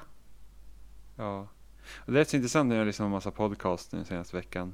Eh, och jag lyssnar mycket från USA, så att då, då, då där har vissa gått igenom då Watchmen. Och det är så att de får fan inte lära sig i skolan hur vidriga vita människor har varit mot alla andra. Nej, Så liksom typ den här stora massakern har liksom var det väldigt få som hade fått lära sig i skolan. Eh, fortfarande så är det problem att lära sig liksom att Kristoffer Columbus eh, såg till att typ eh, utrota liksom eh, urbefolkningen i USA. mm. Och, liksom, och jag kommer ihåg att vi i skolan fick inte heller lära oss riktigt att vad Kristoffer Columbus gjorde, i alla fall inte när man fick börja höra liksom om, om hur USA, då, eller Amerika, blev upptäckt. Utan då var det mer som att, åh, men Kristoffer Columbus skulle åka ut för att upptäcka Indien och så, oj, så råkade han stöta på Nordamerika och nu är vi alla lyckliga och glada. Eh, så att, ja, det, det är sagt, väldig förenkling av den berättelsen. Ja, men gud, det är ju verkligen det. Nu förstår jag att man kanske inte kan berätta liksom gå in på djupa analyser för sexåringar, men ändå. Nej, men exakt. Men kanske när man blir lite äldre. Jo, men samtidigt så att jag vet inte riktigt om man ska Alltså, ska man börja så ändå? Ja, jag vet inte, jag, jag, är- jag vet inte. Men den är, den är, den är ju väldigt, alltså, den kommer den är väldigt rasladdad, serien. Eh, Definitivt, men den känns också väldigt så här mångfacetterad. jo, Och liksom inkluderande väldigt mycket olika typer av människor som är, som är med. Jag Ja. tycker ju att eh, Regina King som spelar huvudrollen gör ett väldigt bra jobb. Jättebra verkligen. Alltså otroligt bra huvudrollsinnehavare för den här serien. Jag tycker att det, det var verkligen rätt val. Eh, men för den fortsätter med alltså att eh, typ superhjältar är fortfarande liksom förbjudna. Eller då vigilantes som de säger. Ja. vet, vad, vad är det? Vad har man för svensk översättning på vigilante? Är det... Ja, det finns Så. säkert något Sak samma. bra ord, men Men det, det som är så märkligt dock med också i, eh, i den här serien, för att då, då blir poliserna har ju i princip blivit hjältar så att säga. För de bär ju också masker för att skydda sin egen identitet. Så att man inte Ja, riktigt ska kunna se precis. hur de har. För att de har ju den här gruppen eh, som har, hur säger man, Rorschach Rorschach. masker på sig. Ja men precis, att det, det finns ju eh, ett test som heter Rorschach-testet. Mm. Och det är ju alltså det här när man kollar på olika svartvita bilder eh, med olika svarta mönster på. Och så ska man tolka dem. Ja. Och jag vet inte vad det är för kopp, för att jag vet att han var ju en av eh, personerna i huvudserien. Mm, Och jag vet inte riktigt som heter vad, Rorschach bara. precis, och jag vet inte riktigt vad hans koppling blir till den här nya KKK-gruppen som har hans Mm. masker på sig.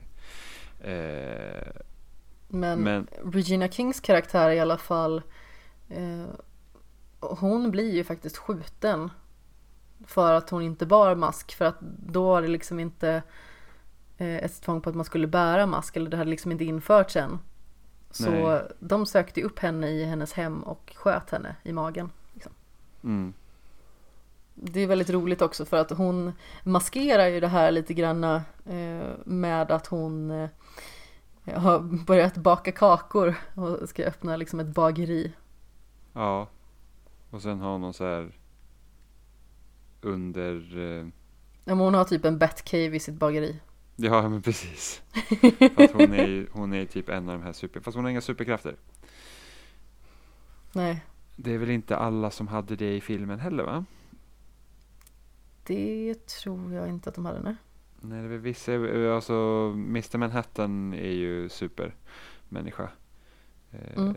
Vilket är alltså så himla intressant egentligen med filmen och eh, antar du även serietidningen är ju det liksom att när man verkligen går in på den här Alltså det det här lite amerikanska egot när Mr Manhattan kommer till. Det är liksom att ja, Stålmannen existerar och han, eller existerar och han är amerikan.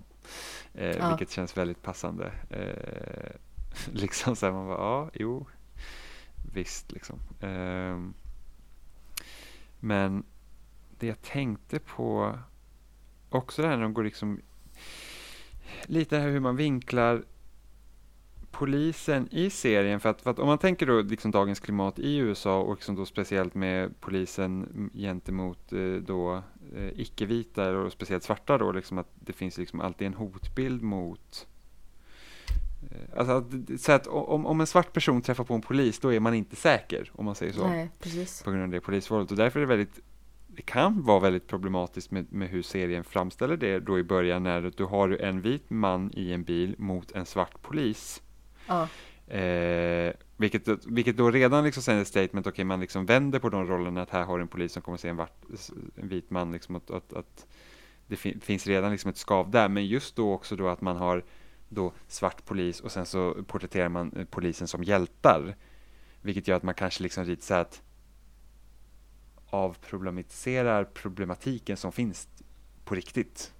ja, Och det ska, det ska bli spännande att se hur de gör med det, för att som det ser ut just nu så är det lite så, här, lite så att man, man, man kanske lite rycker åt axlarna åt det, det problemet. Att man liksom sätter att nej men polisen är egentligen snälla eh, och det finns inget problem. Eh, vilket ser vad de gör med. Grunden är de ju att polisen ska vara liksom the good De- guys. Precis, de ska ju vis. vara det, men det är inte så det reflekteras i Nej, men verkligheten idag. definitivt inte. Alltså. Eh, så man får I se alla vad fall de gör inte där. i synnerhet i USA med tanke på alla de typer av skeenden. Nej men precis. Och jag såg en del Jag såg en del kritik mot det också på Twitter liksom att okej eh, hur, hur, hur ska man ta det vidare liksom? Eh, för det säger ju ändå någonting. Om man väljer att göra det så. Liksom att Nej men polisen är okej. Polisen ska ju vara okej. Men ja, vi får se. Vi får se. Det, det är spännande. Jag, jag gillar ju det här avsnittet. Jag tycker att det, det är väldigt spännande. Jag önskar att jag vore mer insatt i Watchmen så att man liksom hänger med på allting. Ja, Eh, jag är ju tyvärr inte så insatt. du var ju ett superfan hade vi sagt. Det är du som säger det. ja, nu tycker jag att du är ett väldigt dåligt superfan. Som Tack, jag är ett dåligt superfan. allt. Det är bra, jag, jag gav dig en titel och sen så shamear jag för dig också. Lite. Men inte allvarligt. Eh, Jag måste bara säga att en av de roligaste scener i själva det här första avsnittet det är väl eh, Åh, vad är det han heter? Han som spelar pappan. Ingen aning. Eh, Don Johnson heter han va? Är det han heter? Men han i alla fall sjunger en trudelutt runt matbordet och så går han runt till de olika personerna som sitter runt Ja, matbordet. Jag tycker att den scenen är så himla rolig. mm, jo, men det, det var trevligt. Ja men alltså den, den, den lös upp serien lite och sen så är det ju väldigt tragiskt han, han dör ju. Ja, Så det blir ju liksom att de etablerar alltså den värmen som han ändå sitter inne på just då. mm, Ehm, och sen så kapar de honom i det absoluta slutet av första avsnittet. mm. Ja. Men visst, jag tänkte hon Regina Kings karaktär. Mm. Eh, sen hon blev skjuten då i magen, det gör ju att hon förmodligen inte kan få egna barn. Precis. Vilket, vilket eh, pekar på att de har adopterat två stycken Mm. eh, fina ungar. Ja men så förstår jag det också i alla fall. Mm. Det tror jag också. Det var Mm. någon jag såg som jag bara så här, hur hänger det här ihop? Och bara så här, adoption? ja. Alltså men det, matematiken är inte så svår. ja, Det är inte Ja. ens en matematik. det tycker jag alltid är så fascinerande i amerikanska serier, det här att när någon karaktär blir gravid. Och Ja. det är alltid sån jättestor big deal för att du kan inte visa att abort är okej, typ. Det, det är alltid liksom fascinerande, liksom, att det är omöjligt. Mm. Eh, det Amerika i allmänhet har ju en väldigt problematisk syn på abort. Ja, så är det. Jo, eh, det var en karaktär som faktiskt har superkrafter i även det här avsnittet. Han som, han som de kallar Looking Glass Mm. med silvermasken. Han kan ju, när han gör de här olika testerna med eh, förhörkaraktärerna, det, han behöver inte göra det. Han kan se om de ljuger eller inte utan det. Ja, Så att det finns superkrafter. precis. Ja. Men det ska bli väldigt spännande att se Ja, hur det fortsätter. Jag tycker att det, det, var, en väldigt, det var ett väldigt bra första avsnitt.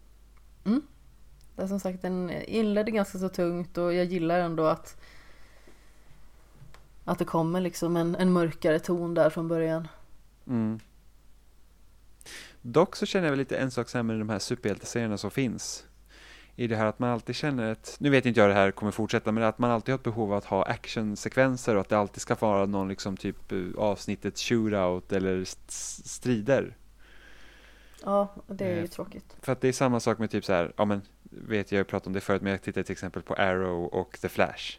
Och det är alltid liksom så här, är varje avsnitt så är det alltid någon strid eller liksom det ska alltid vara liksom folk ska slåss och då, då det, det som jag tycker är mest spännande med så här superhjälteserier och sådana grejer det är att man kan gå in på karaktärerna mer på djupet och liksom att de behöver inte alltid fightas liksom i varje avsnitt Ja. för att det behöver inte hända alltid.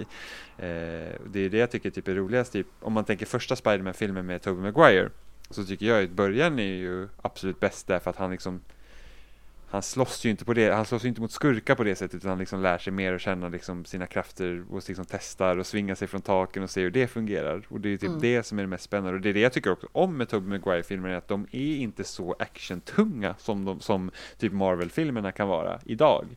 Utan det är ju väldigt mycket hans egen resa liksom som Peter Parker att bli Spiderman.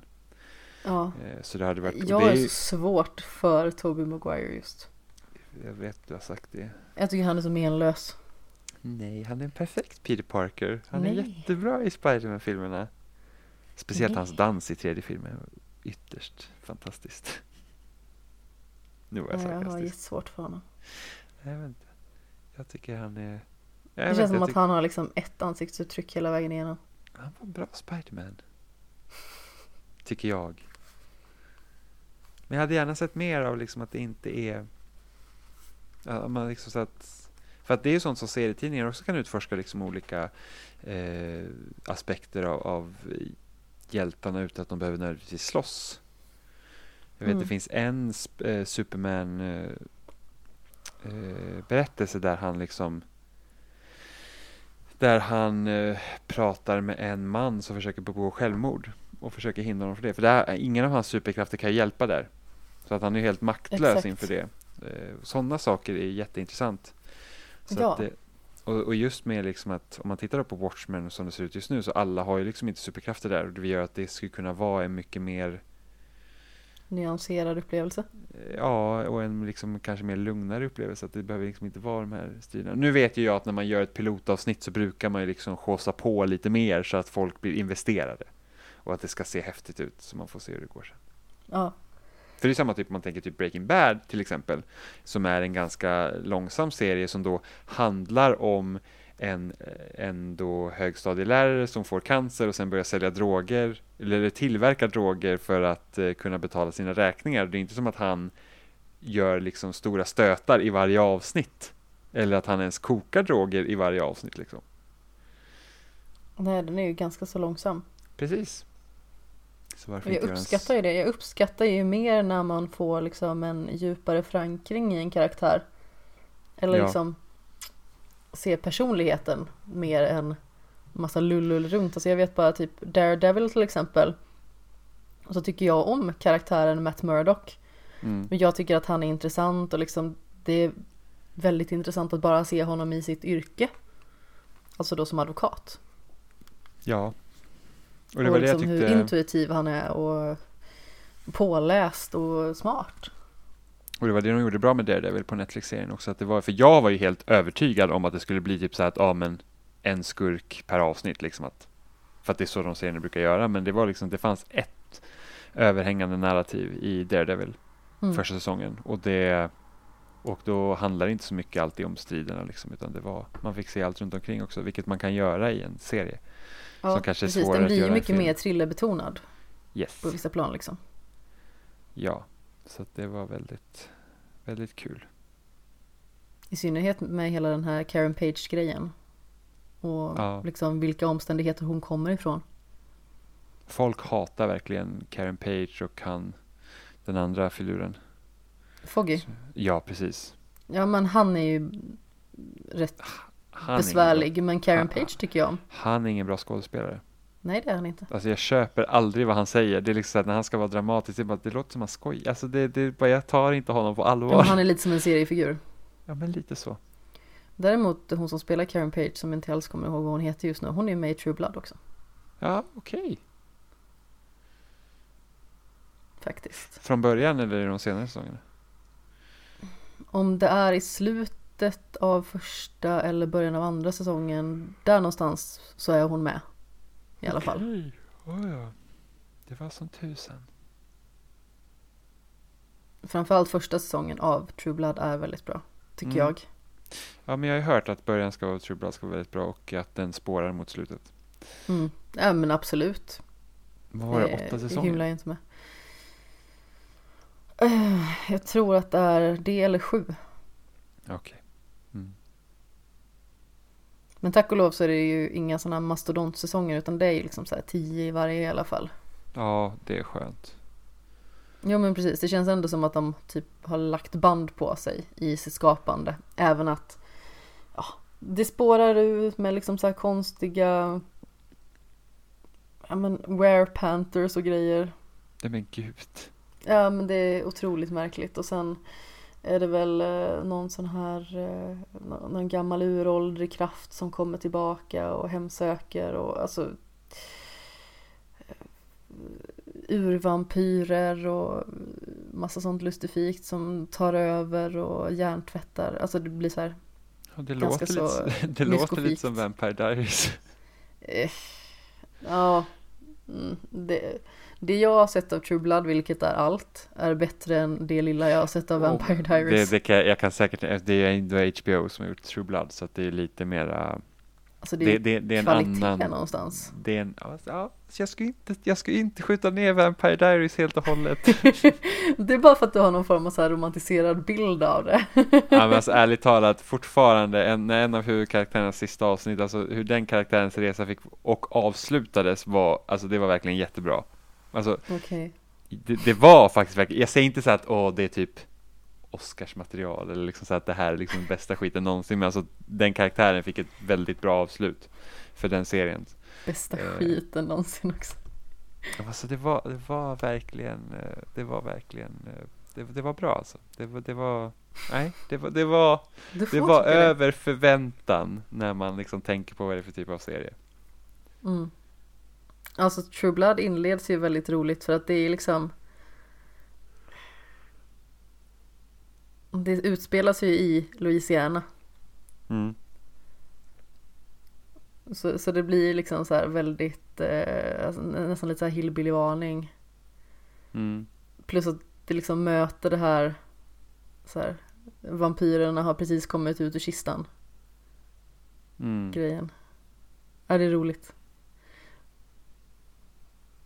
Det är också en så här, i och för sig, hyfsat eh, lätt genomskådad eh, inspirationskälla, eller vad man ska säga, i, i vart liksom själva grunden ligger till alltså vampyrerna, vad, då, vad det skulle kunna vara synonymt med. Mm. Men jag tycker ändå att det görs bra. Och jag tycker om karaktärerna. Mm. Ja, men det är det viktigaste. I tv-serier så är karaktärerna absolut det viktigaste. Ja, man får ju följa dem så himla länge så Yes. det är ju de man knyter an till. Ja, och det är också en anledning till att jag tycker om tv-serier så mycket. Just att du får följa karaktären länge. Mm.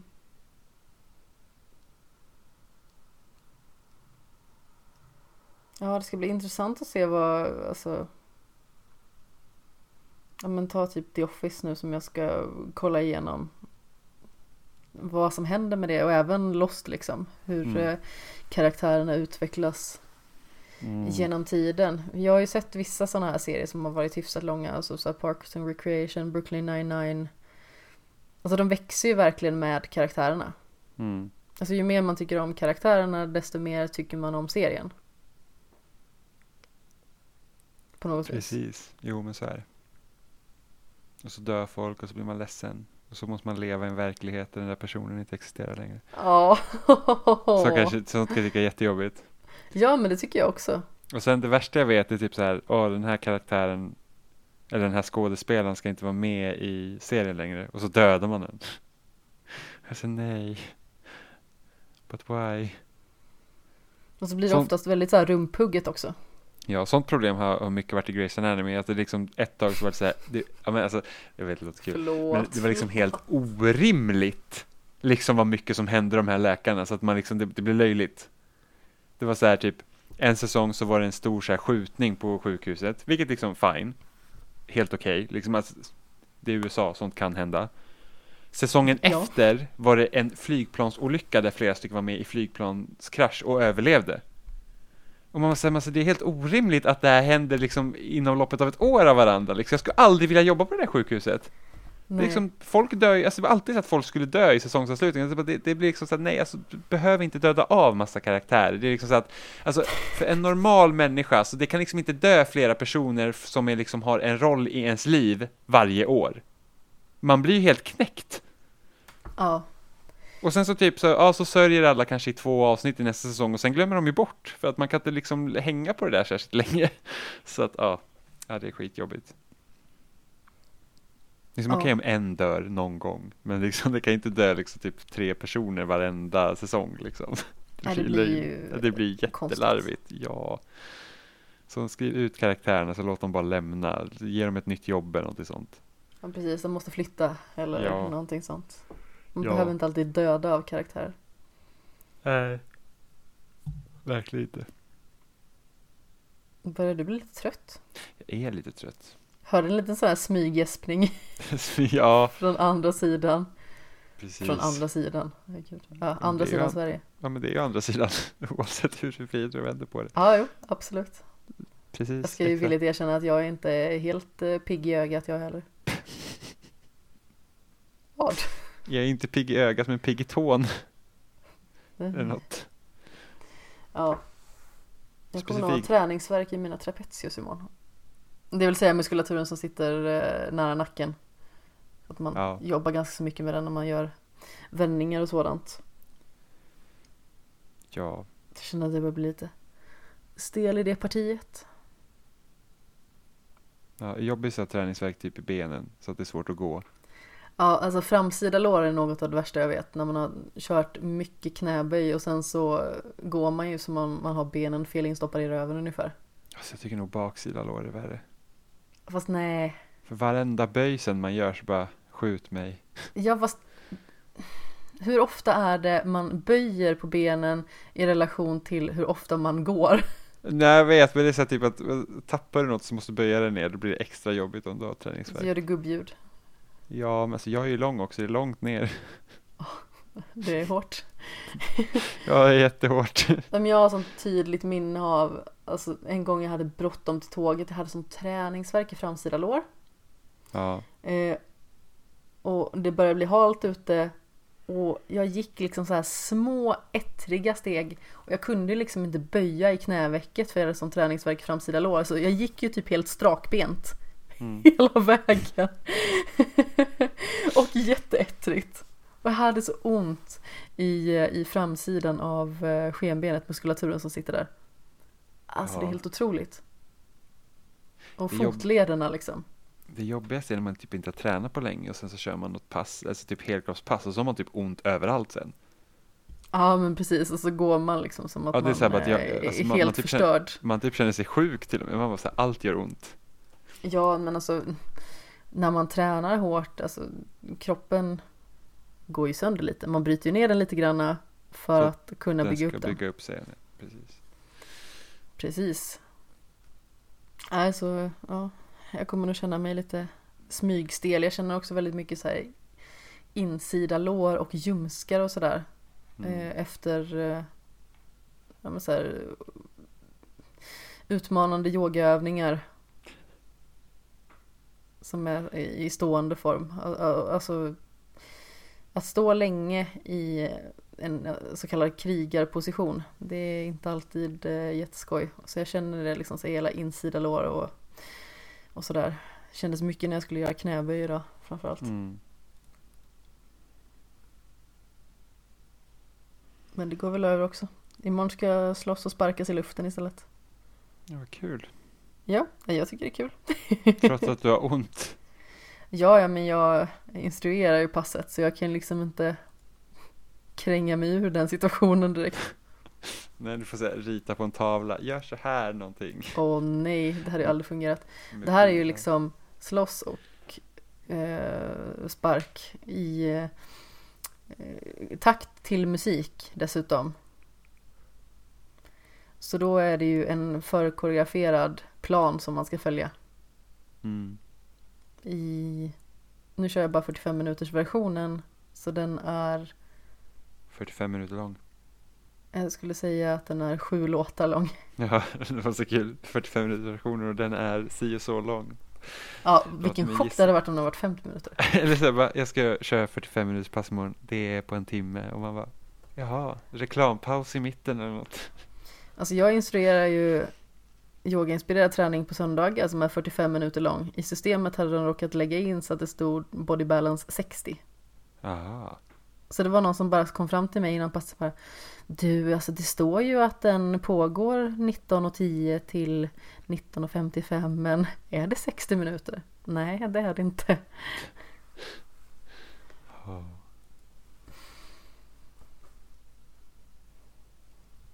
Åh, himmel och pannkaka. Himmel och pang. Vart kommer det uttrycket ifrån Jag egentligen? har ingen aning.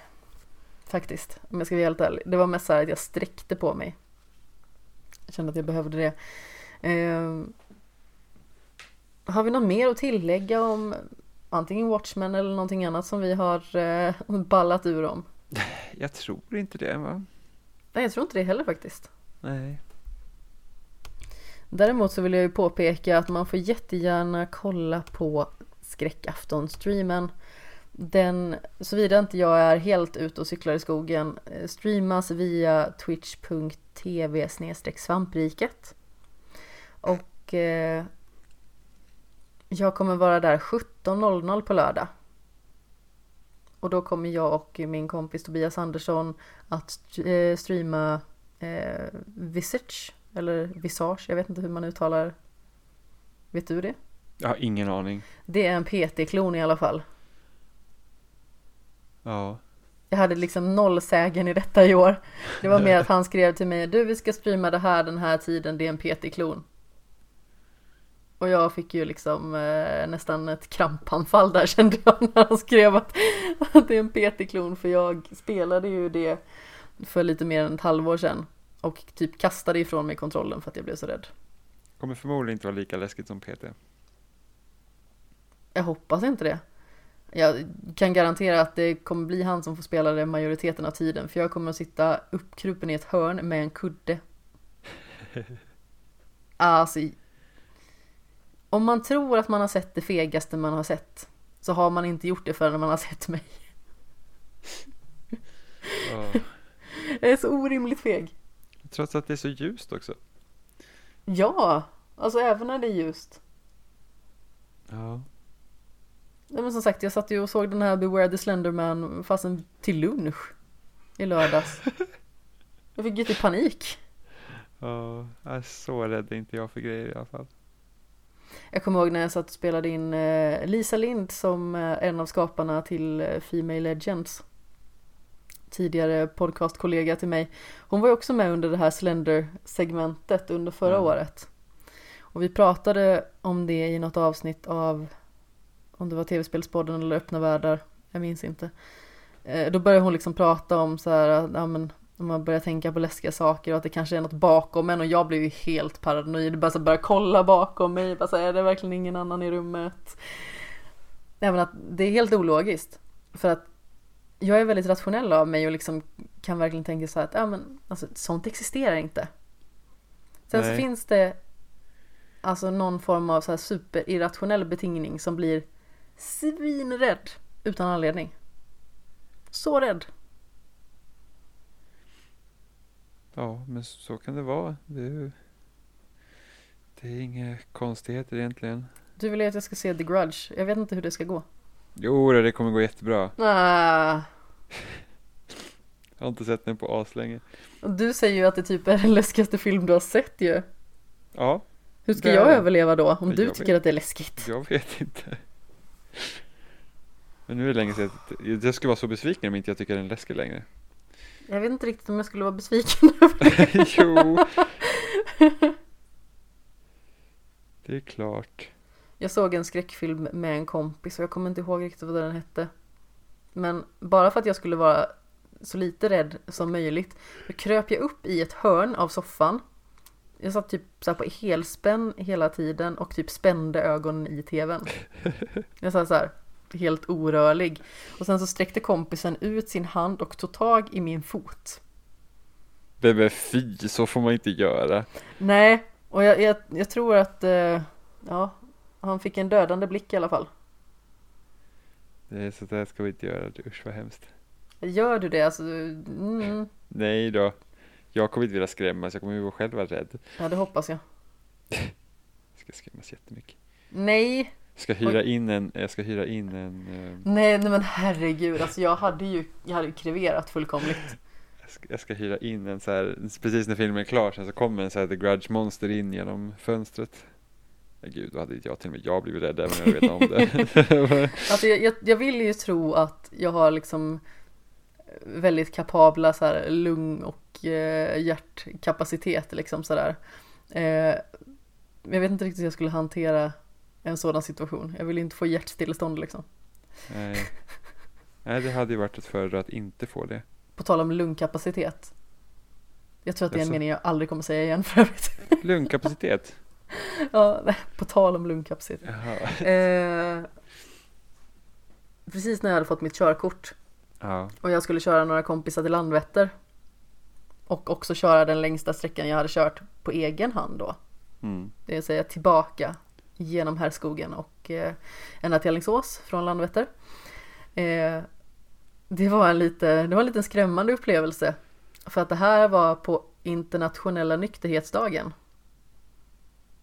Så då fick alla svänga in på vägen ut från flygplatsen och blåsa. Oj. Och man blir ju så här paranoid, man bara "Åh, fan jag har nog druckit lite grann. Så här, det har jag ju inte, såklart har jag inte det. Det är samma sak liksom om någon skulle gå igenom ens bil, man bara "Ja, jag har nog lite knark i bakfickan, det, så är det nog. Men alltså det är helt ologiskt. Ja. Alltså det finns ingenting som talar för att det skulle gå åt fanders för en, men man blir ändå liksom så här nojig och orolig. Eh, och då säger liksom polisen till mig, ja, eh, andas in djupt och så blåser du ut. Det här var liksom, kan det vara? Jag tog körkort 2013, så 2013 måste det vara. Och jag liksom så här tar, tar i och blåser ut och liksom så här all luft bara som, som går. Och eh, polisen bara tittar på mig så här. Idrottare. Åh, gud. Han bara, ja, det ser bra ut, kör vidare. Jag liksom så här fortfarande typ hes för att jag liksom har tagit slut på all luft. Ja. Jag hade blivit stoppad av polisen när jag kört. Nej, inte jag heller. Det var någon Ja. gång jag skulle eh, köra åt Boråshållet som de vinkade all, in, in alla bilar. Mm. Men jag var inte en av de bilarna som fick stanna till. Utan jag fick fortsätta köra. Jag vet Mm. inte, de hade väl någon specialkontroll. Men äh, återigen, alltså den resan på vägen till Härskogen, eller genom Härskogen. eh, jag är oftast väldigt nojig när jag ska hitta till ställen. Ja. Eh, för jag är jätterädd att köra fel eller gå fel och sådär. Alltså när man går så är det mycket lättare för att, jag menar, det är bara lättare att justera sin gångväg. Men Mm. om man kör fel, då kan det vara så här problematiskt. Måste jag hitta någonstans att vända? Går det att vända på den här vägen någonstans? Och så vidare och så vidare. Ja men du vet, klassisk noja. Eh, och, och då i alla fall så satt jag med min GPS och det hade liksom precis kommit ut så här att eh, ja men att det hade blivit olagligt att, att kolla på telefon Mm. när man kör. Eller liksom bli olagligt att överhuvudtaget hantera en telefon. Man fick inte prata i telefon alls eller någonting. Mm. Så då satt jag med telefonen så här smyg verkligen så här. Kolla på GPSen liksom så här. Ska kolla vart jag är på väg någonstans. Eh, och så hittade jag äntligen rätt och bara oh jag börjar känna igen mig nu. Och så tänkte jag att så här, ja, men nu ska jag ta en slurk dricka liksom för att bara så här svalka av mig lite. Mm. Var lite så här svettigt under armarna. Eh, och missar avfarten. Nej! Naturligtvis för att avfarten från Landvetter till Härskogen är jättelurig att se. För Mm. skylten står lite dumt till och sedan så är det en väldigt tvär sväng så man bara såhär, jaha. Typiskt. Ja, det var verkligen så jättetypiskt. Jag bara tyckte att jag hade planerat allting så himla väl och sen såg det ut på GPSen som att det är bra tag till jag ska svänga. Tar upp drickan, tar två slurkar bara, vad fan. Det var där jag skulle in. Gud. Ja. Men jag tycker det är kul att köra bil. Ja, det är det. tycker det finns någonting ganska avkopplande med det. Alltså visst kör man längre sträckor. Alltså, jag körde ju från Alingsås till Nyköping i ett svep utan att stanna. I Mm. maj till exempel. Och samma sak på vägen hem. Inte helt op- optimalt för det tar ju ganska så lång tid. Mm. Men eh, alltså så här kortare sträckor, typ max en timme. Ganska av- avkopplande ändå. Man lyssnar på någonting och sjunger med lite grann. Kanske. Yes. Ja, det gör Riktig karaoke i bilen. Brukar Alltså också jag älskar ju att, att sjunga när ingen ser på. Men Ja men typ i bilen eller i köket. Står man och diggdansar lite. mm. Det är sant. Jo, jo, jag, jag, jag misstror dig icke. Ja. Men vad säger du? Ska vi börja runda? Ja. Ja. Vart hittar man dig för någonstans? Eh, mig hittar man på loading.se där jag recenserar spel. Eh, Ja, det kom ju ut en recension från dig idag till och med. Precis, på Lonely Mountains Downhill. Ett litet cykelspel. In och läs. Ja, och eh, Mm. jag poddar om spel i Spelsnack. Och jag twittrar sporadiskt på Separat 13. Mm. tror det var allt. Ja, och skämshögen finns naturligtvis på Snabbla Skämshogen på Instagram och Twitter. Finns på Facebook, finns på Wordpress och där poddar finns. Och mig hittar man på Kapten Sten. Sten med två E. Mycket viktigt. Mycket viktigt för att jag heter det. Ska se. Ofta så kan det vara liksom någon som känner någon som heter Sten. Jag får ofta höra det bara, känner du den här Sten? Och man bara så här, Ja. nej, det gör jag inte. ja, men det är samma sak när folk typ ser någon som heter Seppele. Och bara, Mm. "Ah, är det släkting till dig? För de tror att det är så ovanligt namn. För att i Sverige är det ett ovanligt namn. I Finland är det inte det. Nej. Så att, men det är lika kul att gå in på en Seppele-butik och få kassar med sitt namn på. Det var poppis på idrotten i skolan när man hade sin påse med Seppele på. Uh, Mhm. så himla häftig med påse. Jajamensan. Jajamän. Och fina påsar också, vinröda. Åh, jag gillar vinrött. Mm. Men som haven, nu ska inte jag försöka spinna iväg på så här färger och färgkombinationer. Nej. Dålig idé. Jag tycker att vi istället säger puss i ljumsken. Hej då!